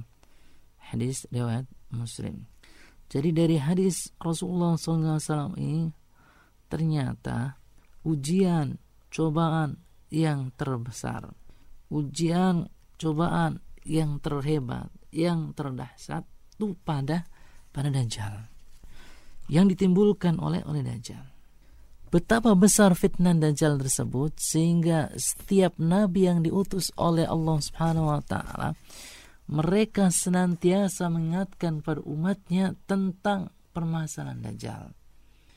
Dalam hadis yang sahih diriwayatkan oleh Imam Bukhari dan Muslim, Rasulullah sallallahu alaihi wasallam bersabda, "Aku akan mengingatkan kepada kalian dan tidak ada seorang nabi pun melainkan telah mengingatkan tentang Dajjal kepada kaumnya. Sungguh Nabi Nuh alaihissalam telah mengingatkan kaumnya. Akan tapi Aku katakan kepada kalian tentangnya yang tidak pernah dikatakan oleh seorang nabi pun kepada kaumnya, yaitu Dajjal itu buta sebelah matanya, sedangkan Allah sama sekali tidak buta. Para pendengar yang budiman, sebagaimana yang telah disebutkan tadi bahwa fitnah Dajjal merupakan fitnah terbesar semenjak Allah Subhanahu wa taala menciptakan Adam hingga datangnya hari kiamat. Hal ini disebabkan Allah Subhanahu wa taala memberikan kepada Dajjal kemampuan yang luar biasa, kemampuan yang memukul, kemampuan yang dahsyat, kemampuan yang sangat membingungkan akal. Dalam riwayat-riwayat yang sahih disebutkan bahwa Dajjal memerintahkan pada langit untuk menurunkan hujan. Lantas langit pun menurunkan hujan. Dajjal memerintahkan kepada bumi untuk menumbuhkan tumbuh-tumbuhan. Lantas bumi menumbuhkan tumbuh-tumbuhan. Ini fitnahnya. Fitnahnya. Dia menyeru kepada manusia. Bahwasanya Dajjal adalah Rabb. Dajjal adalah Tuhan alam semesta. Dajjal adalah pencipta mereka. Dajjal yang berhak disembah oleh manusia. Kemudian dia menimbulkan fitnah, menebar cobaan yang dapat menggoncangkan keimanan manusia, yang dapat menggoncangkan keimanan seorang mukmin yang tidak kokoh keimanannya. Apa? Tadi memerintahkan langit untuk menurunkan hujan. Ternyata langit menurunkan hujan. Memerintahkan bumi untuk menumbuhkan tumbuh-tumbuhan. Ternyata bumi pun menumbuhkan tumbuh-tumbuhan. Dalam hadis Nawas bin Sam'an radhiallahu anhu bahwa para sahabat bertanya kepada Rasulullah Shallallahu Alaihi Wasallam mengenai Dajjal. Wahai Rasulullah, berapa lamakah ia tinggal di muka bumi? Maka beliau menjawab, selama 40 hari. Sehari seperti setahun, yang sehari lagi seperti sebulan, dan yang sehari lagi seperti sejumat, dan hari-hari lain seperti hari-hari kalian. Mereka bertanya, bagaimana kecepatannya di bumi? Beliau menjawab, seperti hujan yang tiup angin kencang. Lalu ia mendatangi satu kaum dan diajaknya kaum itu. Kemudian mereka mempercayainya dan memenuhi suruhannya. Pilihan Anda. قم وغني يا حمام إن جرحي لا ينام. قم وغني يا حمام إن جرحي لا ينام. قم وغني قد مللنا زيف راية السلام. قم وغني قد مللنا زيف راية السلام. زيف راية السلام غني للعرب جراح يا ترى من ذا الملام. غزة الأبطال أمست تشتكي جور اللئام. غني للعرب جراح يا ترى من ذا الملام. غزة الأبطال أمست تشتكي جور اللئام. تسرق الأفراح منها ثم توزة تستضام. وكذا العدل فلا لا تشتكي هذا النظام. تسرق الأفراح منها ثم توزة تستضام. وكذا العدل فلا لا تشتكي هذا النظام. Ya itulah materi pilihan Anda berada di materi yang ke-6 dan ke-8 Di materi yang ke-6 dengan tema Jangan Jadi Bunglon. Dan di materi yang ke-8 dengan tema Dahsyatnya Fitnah Dajjal. Ya kami ucapkan syukur jazakumullah khairan kasih kepada Anda yang telah ikut berpartisipasi memilih materi pilihan pada acara Pildas yang kali ini terkhusus di materi yang ke-6 dan ke-8 Semoga bermanfaat dan juga menambah pahala serta ditunggu untuk berpartisipasi kembali di acara yang lainnya يا لصمت الفعل فينا كم برزنا في الكلام ما أجدنا في سواه آه هلمة الكرام صمتكم يا عرب خزي يسحق الشعب الهمام Baik, kita lanjut membacakan pesan-pesan yang sudah ikut berpartisipasi memilih materi pilihan pada acara Pildas yang kali ini. Kita mulai dari Telegram, ada Oni 169 Ada juga Virgi, ada juga Bu Marni Ada juga nama akun telegram Diana Syafi'i. Ikut memilih di materi yang ke-10 dengan tema zikir setelah sholat fardu yang disunnahkan. Terus masih dari Telegram ada juga Ed Hilwan Syah 993 karena ada juga Kemal, ada juga nama akun Telegram Rizal ikut memilih di materi yang ke-9 dengan tema akibat dari perbuatan mesum. Terus masih dari Telegram ada juga at Diare Wagia, ada juga Agaza Agasa nama akun telegramnya ikut memilih di materi yang kedua dengan tema janganlah marah bagimu jannah masih di telegram ada juga at Y at apa ini? At YLF Ramdan kan. Ada juga at Azahra Oktaviani ikut di, memilih di materi yang kelima dengan tema Gunung pun bersujud kepadanya. Terus masih di Telegram ada juga at Safriadi 1986. Ada juga Army ikut memilih di materi yang ketujuh dengan tema keutamaan kona'ah. Terus ada juga siapa ini? Rusdi. Rusdiansah ikut memilih di materi yang keempat dengan tema doa agar terhindar dari fitnah dajjal. Terus ada juga Ed Hafizah Dinillah katanya. Ikut memilih di materi yang keenam dengan tema jangan jadi bunglon. الأفراح منها ثم توزة تستضام وكذا العدل فلا لا تشتكي هذا النظام قم وغني يا حمام إن جرحي لا ينام قم وغني يا حمام إن جرحي لا ينام Baik setelah dari Telegram kita ke Facebook ada siapa di Facebook? Ada nama akun Facebook Indra Darmawan dari Kampung Kedug Gede katanya. Desa Setia Mekar Masjid Baitur Rahman kan ikut memilih materi nomor 1, 3, 4 dan 7 Syukron Afwan.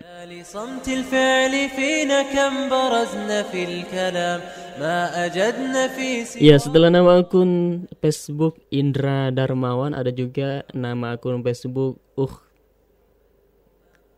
Usti apa ini nama akun Facebooknya Uktina nama akun Facebooknya Ana pilih semua materi kata syukron Afwan Iya dari nama akun Facebook Uktina قد تنام في العظام كيف نسلو المنايا مورقات للأنام إن هذا الصمت جرح قد تنام في العظام Baik setelah dari Facebook kita ke WhatsApp Ada siapa di WhatsApp? Ada Umi Naba di Tambun Utara Katanya ikut pilih semuanya katanya Ya dari Umi Naba di Tambun Utara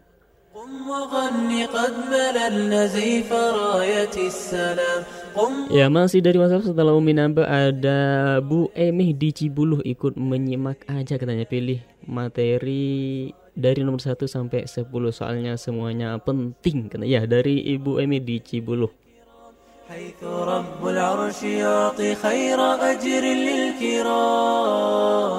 قم وغني يا حمام إن جرحي لا ينام قم وغني يا حمام إن جرحي لا ينام قم وغني قد مللنا زيف راية السلام. قم وغني قد مللنا زيف Ya masih dari WhatsApp ada dari Ian STM ikut memilih materi. yang keberapa ini? Yang dengan tema jangan jadi bunglon katanya berarti berada di materi yang ke-6 dan alhamdulillah sudah kita putarkan. تشتكي جرى اللئام تسرق الأفراح منها ثم توزة تستغ Ya masih dari WhatsApp ada siapa lagi dari WhatsApp ada Umayyah di Bogor ikut memilih materi nomor 1 dan 7 توزة تستضام وكذا العدل فلا لا تشتكي هذا النظام قم وغني يا Baik kita cek kembali materi manakah yang paling banyak dipilih oleh Anda حمام يا حمام إن جرحي لا ينام قم وغني قد مللنا زيف راية السلام قم وغني قد مللنا زيف راية السلام زيف راية السلام Iya ternyata berada di materi yang kelima dan ketujuh Ya di materi yang kelima dengan tema Apa ini? Gunung pun bersujud kepadanya Dan di materi yang ketujuh dengan tema keutamaan kona'ah Seperti apakah penjelasannya silahkan disimak inilah materi pilihan Anda خزي يسحق الشعب الهمام كم كمين بات يخشى نصر شعب بالحسام Pilihan Anda. Pendengar yang budiman, Alhamdulillah dalam kesempatan yang berbahagia ini Allah Subhanahu wa taala mengizinkan kita kembali uh, duduk sejenak bermunajat sejenak merenungkan kehidupan kita yang sesungguhnya di dalam alam dunia ini. Kesadaran akan segala wujud realita yang ada di hadapan kita yang ada di tengah-tengah kita merupakan anugerah yang sangat besar dari Allah Subhanahu wa taala. Di tengah-tengah banyaknya umat manusia yang bergelimang dalam kealpaan, bergelimang dalam kehidupan yang lalai dari tugas dan amanah yang besar yang diembannya sebagai makhluk yang mulia yaitu manusia manusia yang disematkan kepadanya peran kekhilafahan, peran kewajiban pengabdian, taat dan patuh hanya kepada Allah Subhanahu wa taala. Yang kalau dikecualikan pun, kalau kita tahu pengecualian ini terjadi pun di mana seluruh alam semesta di mana manusia hanya bagian terkecil dari kehidupan alam semesta secara menyeluruh tunduk dan patuh kepada Allahu Rabbul Alamin yang merupakan akidah yang sangat besar bagi seorang mukmin di mana keyakinan yang kuat menegaskan dengan sangat dasar di dalam jiwa-jiwa mereka bahwa hanya Allah lah yang menciptakan, memiliki dan mengatur alam semesta Allah Subhanahu wa taala pun mengingatkan hal ini sebagai suatu akidah yang harus ditanamkan, dirasihkan, diakarkan pada jiwa-jiwa manusia. Allah Subhanahu wa taala dalam surah Al-A'raf surah ke-7 ayat 54 Allah Subhanahu wa taala berfirman, "A'udzu billahi samil alim minasyaitonir rajim. Inna rabbakumullah." Sesungguhnya Rabb kalian adalah Allah alladzi khalaqas samawati wal arda fi sittati ayyam. Dialah Allah yang menciptakan tujuh lapis langit dan bumi dalam enam hari. Summa stawa alal arsh Kemudian dia bersemayam di atas arsh. Yugshil laylan nahar. Mempertutupi siang dengan malamnya. Yang terus cepat. Wasyamsa wal qamar. Dia pun yang mengatur matahari, bulan, wan nujum, dan seluruh bintang-bintang musakharatim bi amrih yang semuanya tunduk dan patuh pada penataan dan pengaturan Allah Subhanahu wa taala.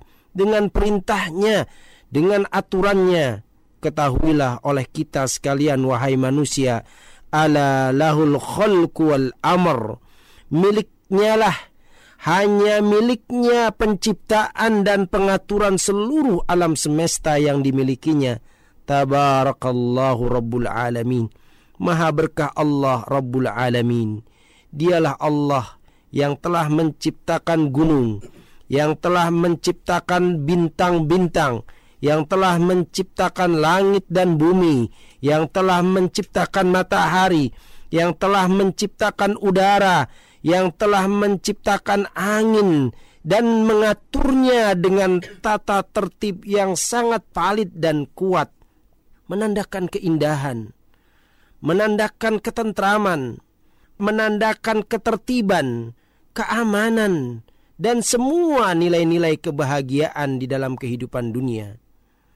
Hanya satu yang merubahnya, yaitu pembangkangan umat manusia kepada ajaran yang dibawa oleh para rasulnya. Bahkan kalau kita mau melihat ayat-ayat Allah Subhanahu wa taala, bahkan kita akan malu sekali sebagai manusia yang diciptakan sebagai khalifah, manusia yang diciptakan sebagai penciptaan sebaik-baik bentuk. Malu di saat Allah Subhanahu wa taala mengingatkan mengingatkan tentang semua makhluknya di dalam surah Al-Hajj surah ke-22 Allah Subhanahu wa taala mengingatkan di ayatnya yang ke-18 pengingatan bahwa seluruh yang Allah ciptakan itu tunduk patuh terhadap apa yang diperintahkannya. Kapan Allah perintahkan? Di mana Allah akan perintahkan semua mereka sujud dan patuh hanya kepadanya. Ingatlah, apakah kita sama? Apakah kita tidak malu ketika kita sama sekali berbeda dengan seluruh makhluk-makhluk Allah yang besar-besar. Di dalam surah ini Allah Subhanahu wa taala berfirman, "A'udzu billahi samil alim minasyaitonir rajim. Alam tara anna Allah yasjudu lahu man fis samawati wa man fil ard wasyams wal qamar wan nujum wal jibal wasyajar wad dawab wa katsirun minan nas." Apakah engkau tidak memperhatikan? Apakah engkau tidak melihat bahwa hanya kepada Allah lah sujud apa saja yang ada di langit dan apa saja yang ada di bumi. Matahari, bulan, bintang-bintang, gunung, pohon-pohon, binatang-binatang ternak, dan semua manusia, wa minan nas dan mayoritas manusia – wa kathirun haqqa alaihil adab. Banyak pula yang terkena ketentuan azab siksa darinya. Wa may yuhinillahu fama lahum mim mukrim. Siapa yang Allah hinakan, tidak ada lagi yang mampu memuliakannya. Innallaha yaf'alu ma yasha. Sesungguhnya Allah melakukan apa saja yang dikehendakinya. Pilihan Anda. Pendengar rahimakumullah, apa saja keutamaan qanaah? Banyak sekali keutamaan-keutamaan qanaah, di antaranya qanaah adalah hayatan thayyibah. Ini yang pertama. Qanaah adalah kehidupan yang baik. Sebagaimana kaul perkataan Ali bin Abi Thalib ketika menafsirkan falanuhyiyannahu hayatan thayyibah. Ketika Allah Subhanahu wa taala berfirman, "Man amila salihan min dzakarin aw untha wa huwa mu'minun falanuhyiyannahu hayatan thayyibah." Siapa saja yang beramal saleh baik dari kalangan laki-laki ataupun wanita dan dia adalah seorang mukmin, falanuhyiyannahu hayatan thayyibah. Maka kami akan menjadikan dia memberikan kepadanya hayatan thayyibah hayatan thayyibah diartikan oleh Ali bin Abi Thalib radhiyallahu an dengan al-qanaah.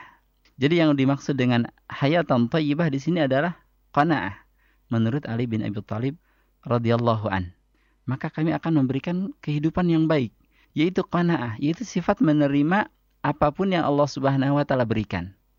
Jadi qanaah adalah kehidupan yang baik. Qanaah adalah hayatan thayyibah. Kemudian pada hakikatnya ini yang kedua, yang namanya kekayaan adalah kekayaan jiwa. Kekayaan jiwa. Merasa cukup dengan pemberian Allah Subhanahu wa taala ini adalah kekayaan.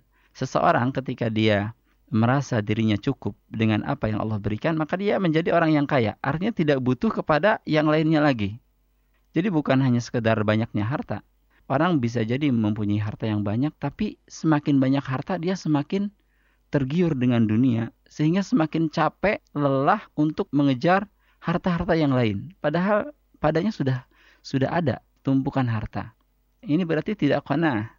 Dia dipusingkan, dilelahkan badannya itu, pikirannya siang dan malam bagaimana cara memutar uangnya ini agar tidak berkurang.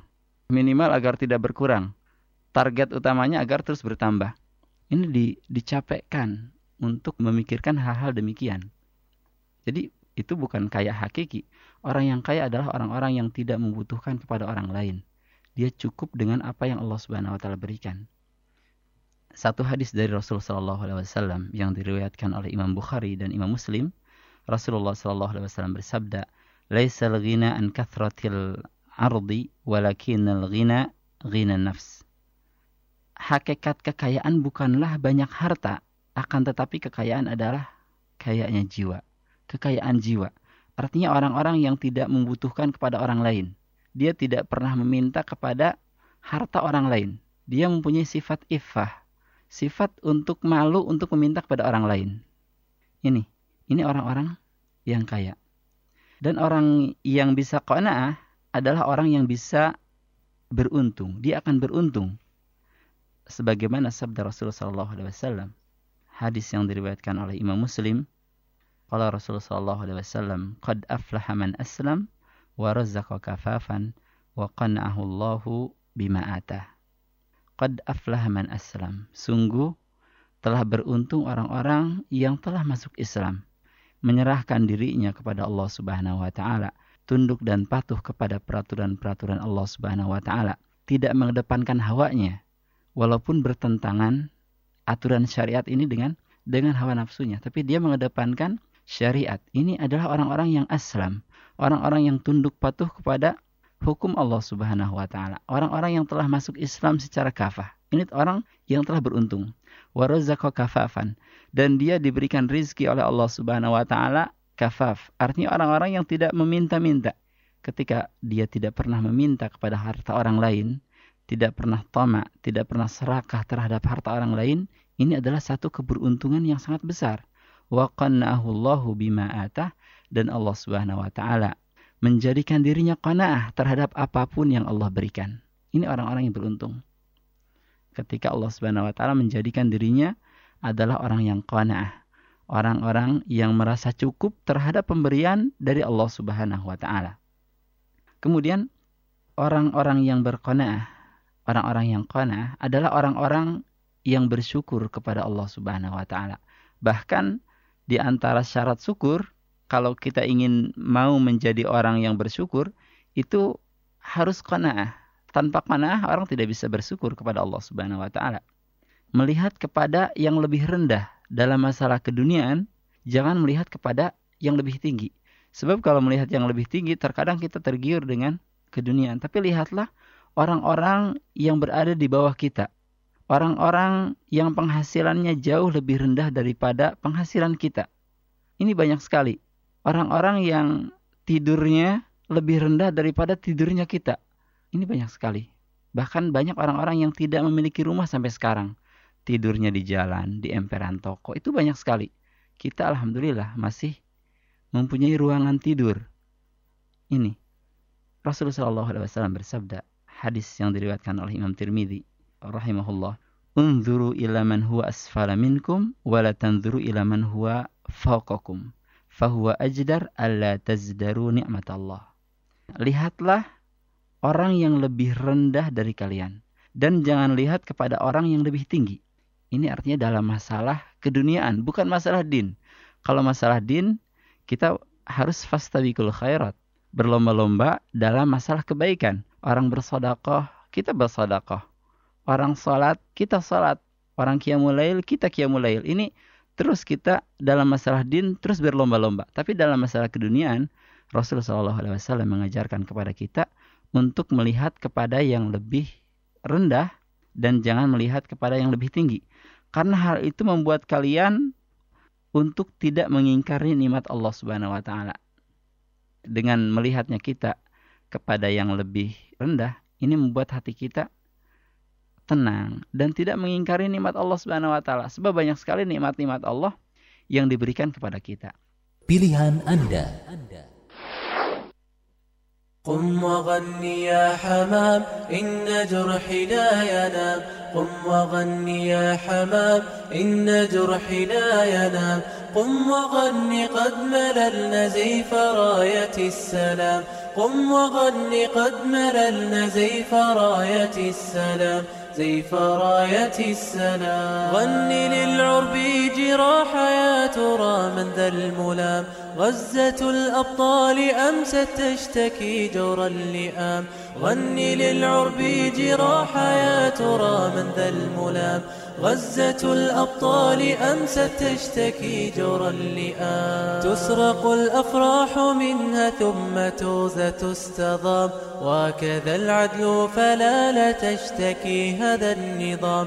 تسرق الأفراح منها ثم توزة تستضام. Ya, itulah materi pilihan Anda berada di materi yang kelima dan ketujuh dengan tema di materi yang kelima dengan tema Gunung pun bersujud kepadanya dan di materi yang ketujuh dengan tema keutamaan konaah. Kami ucapkan syukuran jazakumullah khairan kasihan kepada Anda yang telah ikut berpartisipasi memilih materi pilihan pada acara Pildas yang kali ini terkhusus di materi yang kelima dan ketujuh dan semoga bermanfaat dan juga menambah pahala serta ditunggu untuk berpartisipasi kembali di acara yang lainnya.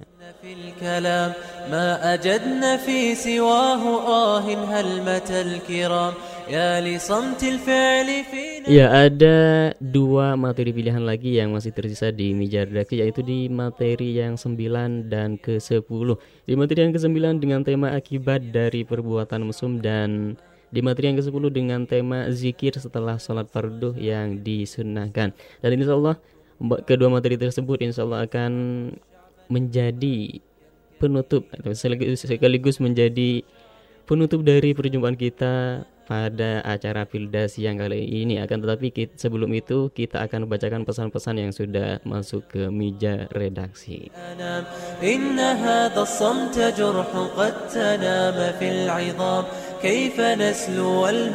Ya dari WhatsApp ada dari Dwi Kapri Kurningrum di Purworejo Jawa Tengah katanya. Pilih semua baik katanya. Terus di belakangnya setelah Dwi Kapri Kurningrum ada siapa lagi? ada hamba Allah ikut memilih materi nomor 1, 3, dan 4 Ya masih dari WhatsApp. Setelah hamba Allah ada Purwanto dari Kelapa 2 Padurenan Mustika Jaya katanya. Memilih materi nomor 7 dengan tema keutamaan kona. Dan alhamdulillah sudah kita putarkan. Ya masih dari WhatsApp setelah Purwanto ada Bapak Johan di Citeko Cisarua Puncak. Ikut memilih materi nomor 1, 3, 5, 7 dan 9 untuk materi nomor 1, 3, 5 dan 7 nya Alhamdulillah sudah kita putarkan.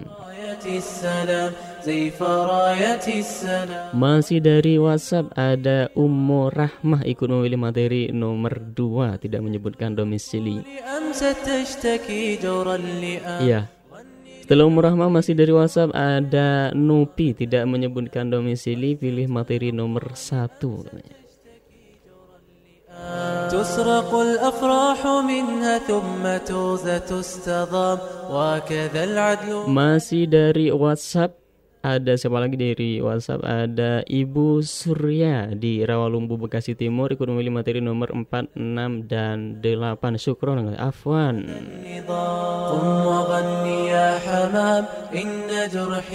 Ya ada siapa lagi dari WhatsApp? Ada Bunda Evi di Ciamas Bogor. Kan ikut memilih materi nomor 2, 3, 7 dan 10 Alhamdulillah nomor 2, 3 dan 7 nya sudah kita putarkan.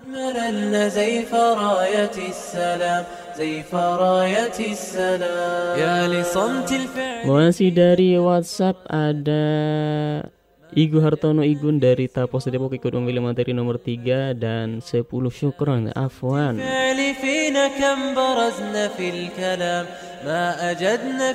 Ya setelah Igu Hartono Igun ada siapa lagi? Ada Arif Firdaus dari Paku Haji Kabupaten Tangerang Banten Ikut memilih materi nomor 5, 7, dan 9 Alhamdulillah nomor 5 dan 7 nya sudah kita putarkan. Masih dari WhatsApp ada Hayati di Rajek Tangerang. Katanya ikut memilih materi nomor 1 Atau yang pertama dan Alhamdulillah sudah kita putarkan.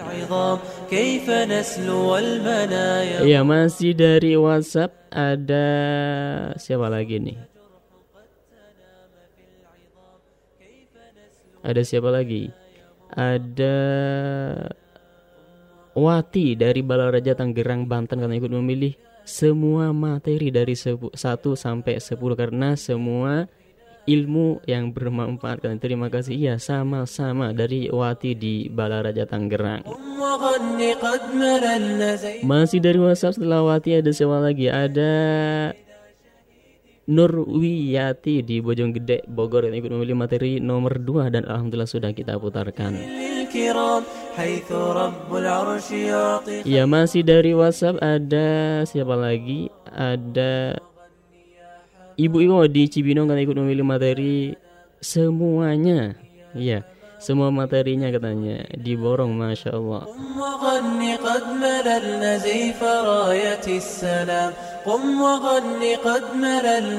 Masih dari masa setelah Bu Iwo ada siapa lagi? Ada Ibu Nurlillah di Condet Jaktim katanya. Pilih semua materi karena semuanya materi semua materi bagus katanya. Iya dari Ibu Nurlillah di Condet Jaktim setelah Ibu Nurlila masih dari WhatsApp ada Ning dari Serang Banten. Katanya mau pilih semuanya Kak. Syukron katanya. Afwan. Masih dari WhatsApp ada siapa lagi dari WhatsApp? Ada Ibu Milah dari Cibeduk Ciawi katanya ikut memilih materi nomor 9 dan 10. Ya setelah Ibu Nurlila masih dari WhatsApp ada siapa lagi? Ada Dewi dari Tangerang karena ikut memilih materi nomor 8 Sukron Afwan dan Alhamdulillah sudah kita putarkan. Setelah Dewi masih dari WhatsApp ada siapa lagi? Ada Edi Sunardi di Kampung Cikampak memilih materi nomor 1 nomor 7 sampai 10 katanya. Iya, dan alhamdulillah nomor 7-nya 7 8 nya sudah kita utarakan.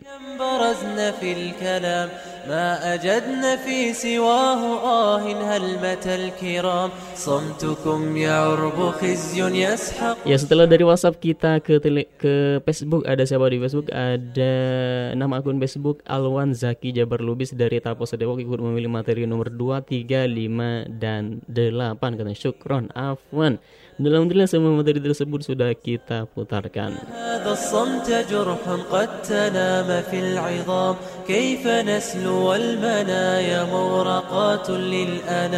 إن هذا الصمت جرح قد تنام في العظام. كيف نسلو والمنايا مغرقات للأنام؟ قم وغني يا حمام إن جرحي لا ينام. قم وغني Ya, pendengar yang berbahagia di mana pun saat ini Anda berada. Itulah materi-materi yang dapat kami sajikan pada acara Filda kali ini. Kami ucapkan syukuran jazakumullah khairan kasiron kepada Anda yang telah berpartisipasi memilih materi pilihan pada acara Filda kali ini. Begitulah bagi Anda yang masih setia mendengarkan Radio Fajri sampai saat ini.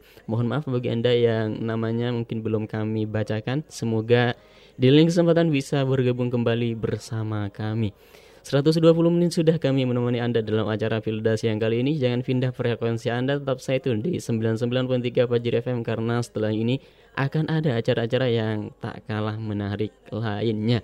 Akhirnya saya Mas Uri pamit undur diri dari ruang dengar Anda. Subhanaka Allahumma wa bihamdika asyhadu an la ilaha illa anta astaghfiruka wa atubu ilaik. Assalamualaikum warahmatullahi wabarakatuh. ترى من ذا الملام غزة الأبطال أمست تشتكي جور اللئام Pilihan Anda. Disebutkan dalam sebuah hadis yang hasan. Ma zaharat fahishatun fi qaumin qattu hatta yu'linu biha illa sallallahu alaihim at-ta'un wal amrad allati lam takun madat fi aslafihim.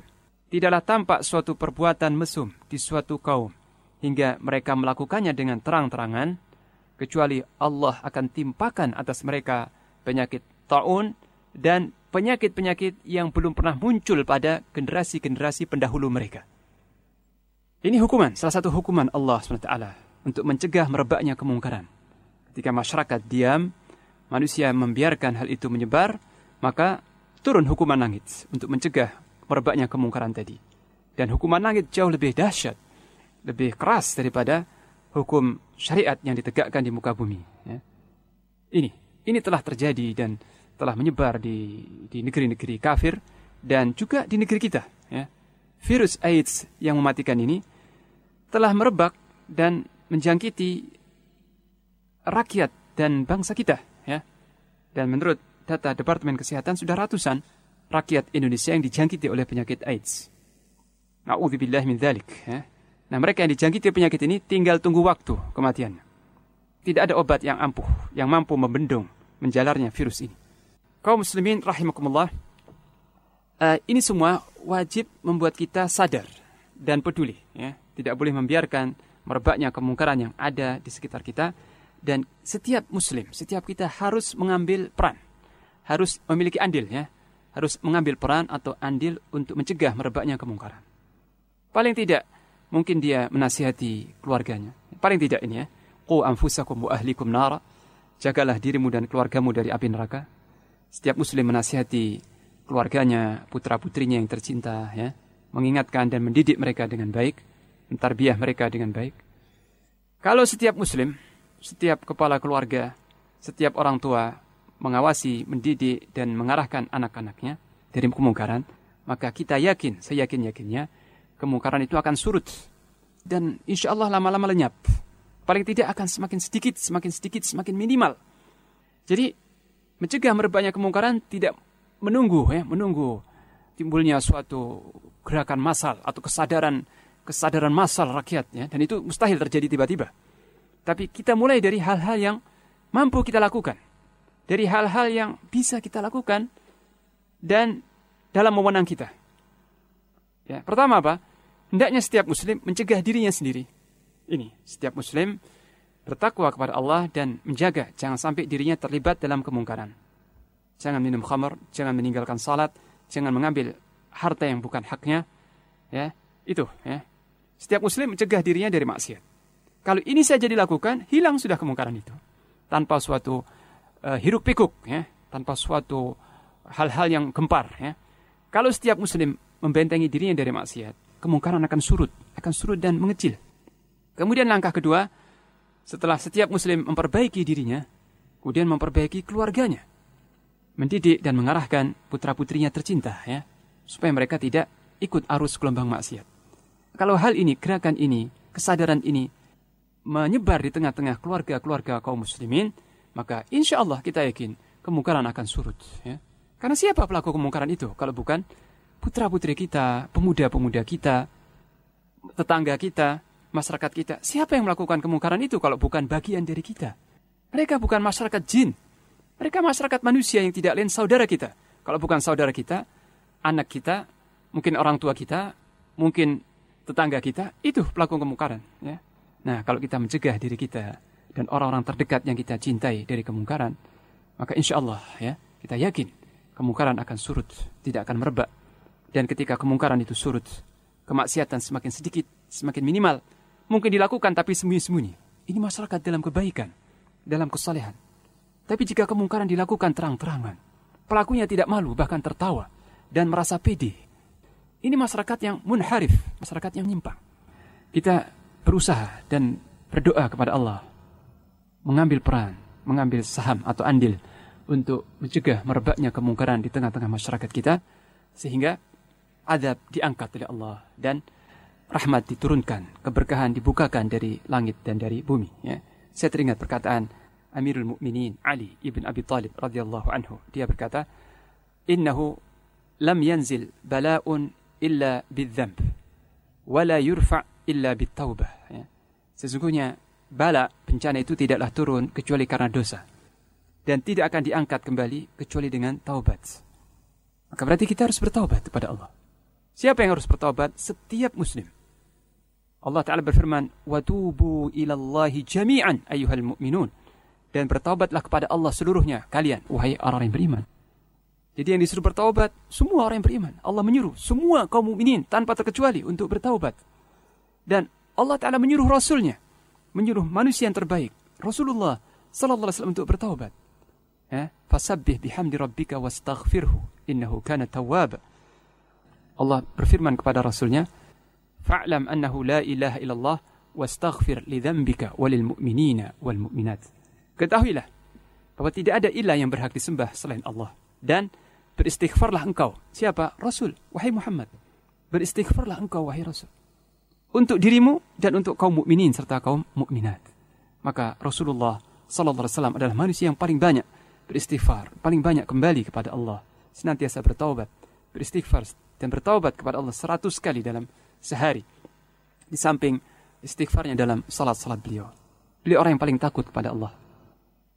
Maka kita selaku umatnya pun juga wajib memperbanyak istighfar kepada Allah di setiap saat.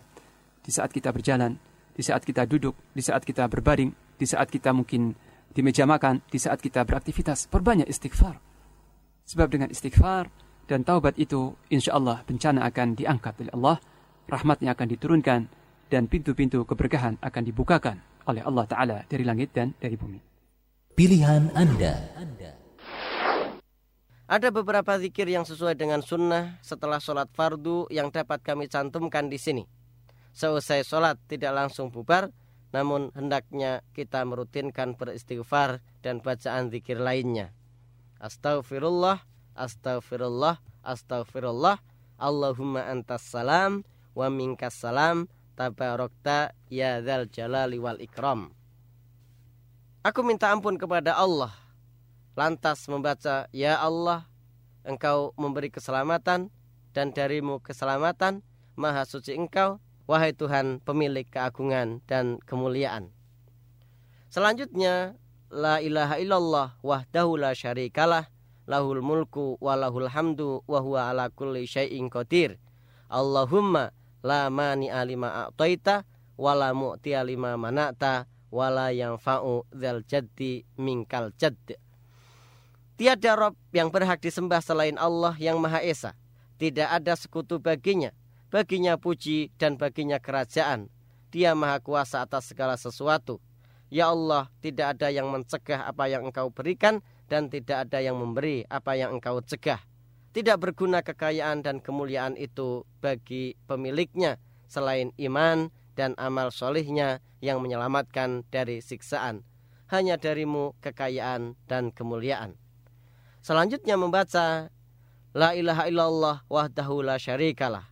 Lahul mulku walahul hamdu wa huwa ala kulli syai'in qadir. La haula wala quwata illa billah. La ilaha illallah wa la na'budu illa iyah lahun nikmatu walahul fadlu walahus sanaul hasanu. La ilaha illallah mukhlishina lahuddin walau karihal kafirun. Tiada rob yang berhak disembah kecuali Allah yang maha esa tidak ada sekutu baginya. Baginya kerajaan dan pujian. Dia maha kuasa atas segala sesuatu. Tidak ada daya dan kekuatan kecuali dengan pertolongan Allah. Tiada rob yang berhak disembah kecuali Allah kami tidak menyembah kecuali kepadanya. Baginya nikmat, anugerah, dan pujaan yang baik. Tiada Rob yang hak disembah kecuali Allah dengan memurnikan ibadah kepadanya sekalipun orang kafir membenci. Kemudian membaca subhanallah walhamdulillah wallahu akbar 33 kali dilanjutkan la ilaha illallah wahdahu la syarikalah lahul mulku wa hamdu wa huwa ala kulli syai'in qadir. Maha suci Allah, segala puji bagi Allah dan Allah Maha besar. Tidak ada rob yang berhak disembah kecuali Allah yang Maha Esa. Tidak ada sekutu baginya, baginya kerajaan, baginya pujaan. Dialah yang Maha Kuasa atas segala sesuatu. Kemudian membaca surat Al-Ikhlas, surat Al-Falak, dan surat An-Nas setiap selesai sholat fardu dan juga membaca ayat kursi setiap selesai sholat fardu kemudian juga membaca la ilaha illallah wahdah la syarikalah lahul mulku wa lahul hamdu yuhyi wa yumit wa huwa ala kulli syai'in qadir 10 kali setelah sholat maghrib dan sholat subuh. Tiada Rob yang berhak disembah kecuali Allah yang Maha Esa. Tiada sekutu baginya baginya kerajaan, baginya segala puja. Dialah yang menghidupkan orang yang sudah mati atau memberi ruh janin yang akan dilahirkan dan yang mematikan. Dialah yang maha kuasa atas segala sesuatu. Pilihan Anda. قم وغني يا حمام إن جرحي لا ينام. قم وغني يا حمام إن جرحي لا ينام. قم وغن قد مللنا زيف راية السلام. قم وغن قد مللنا زيف راية السلام. زيف راية السلام. غني للعرب جراح يا ترى من ذا الملام. غزة الأبطال أمست تشتكي جور اللئام غني للعرب جراح يا ترى من ذا الملام.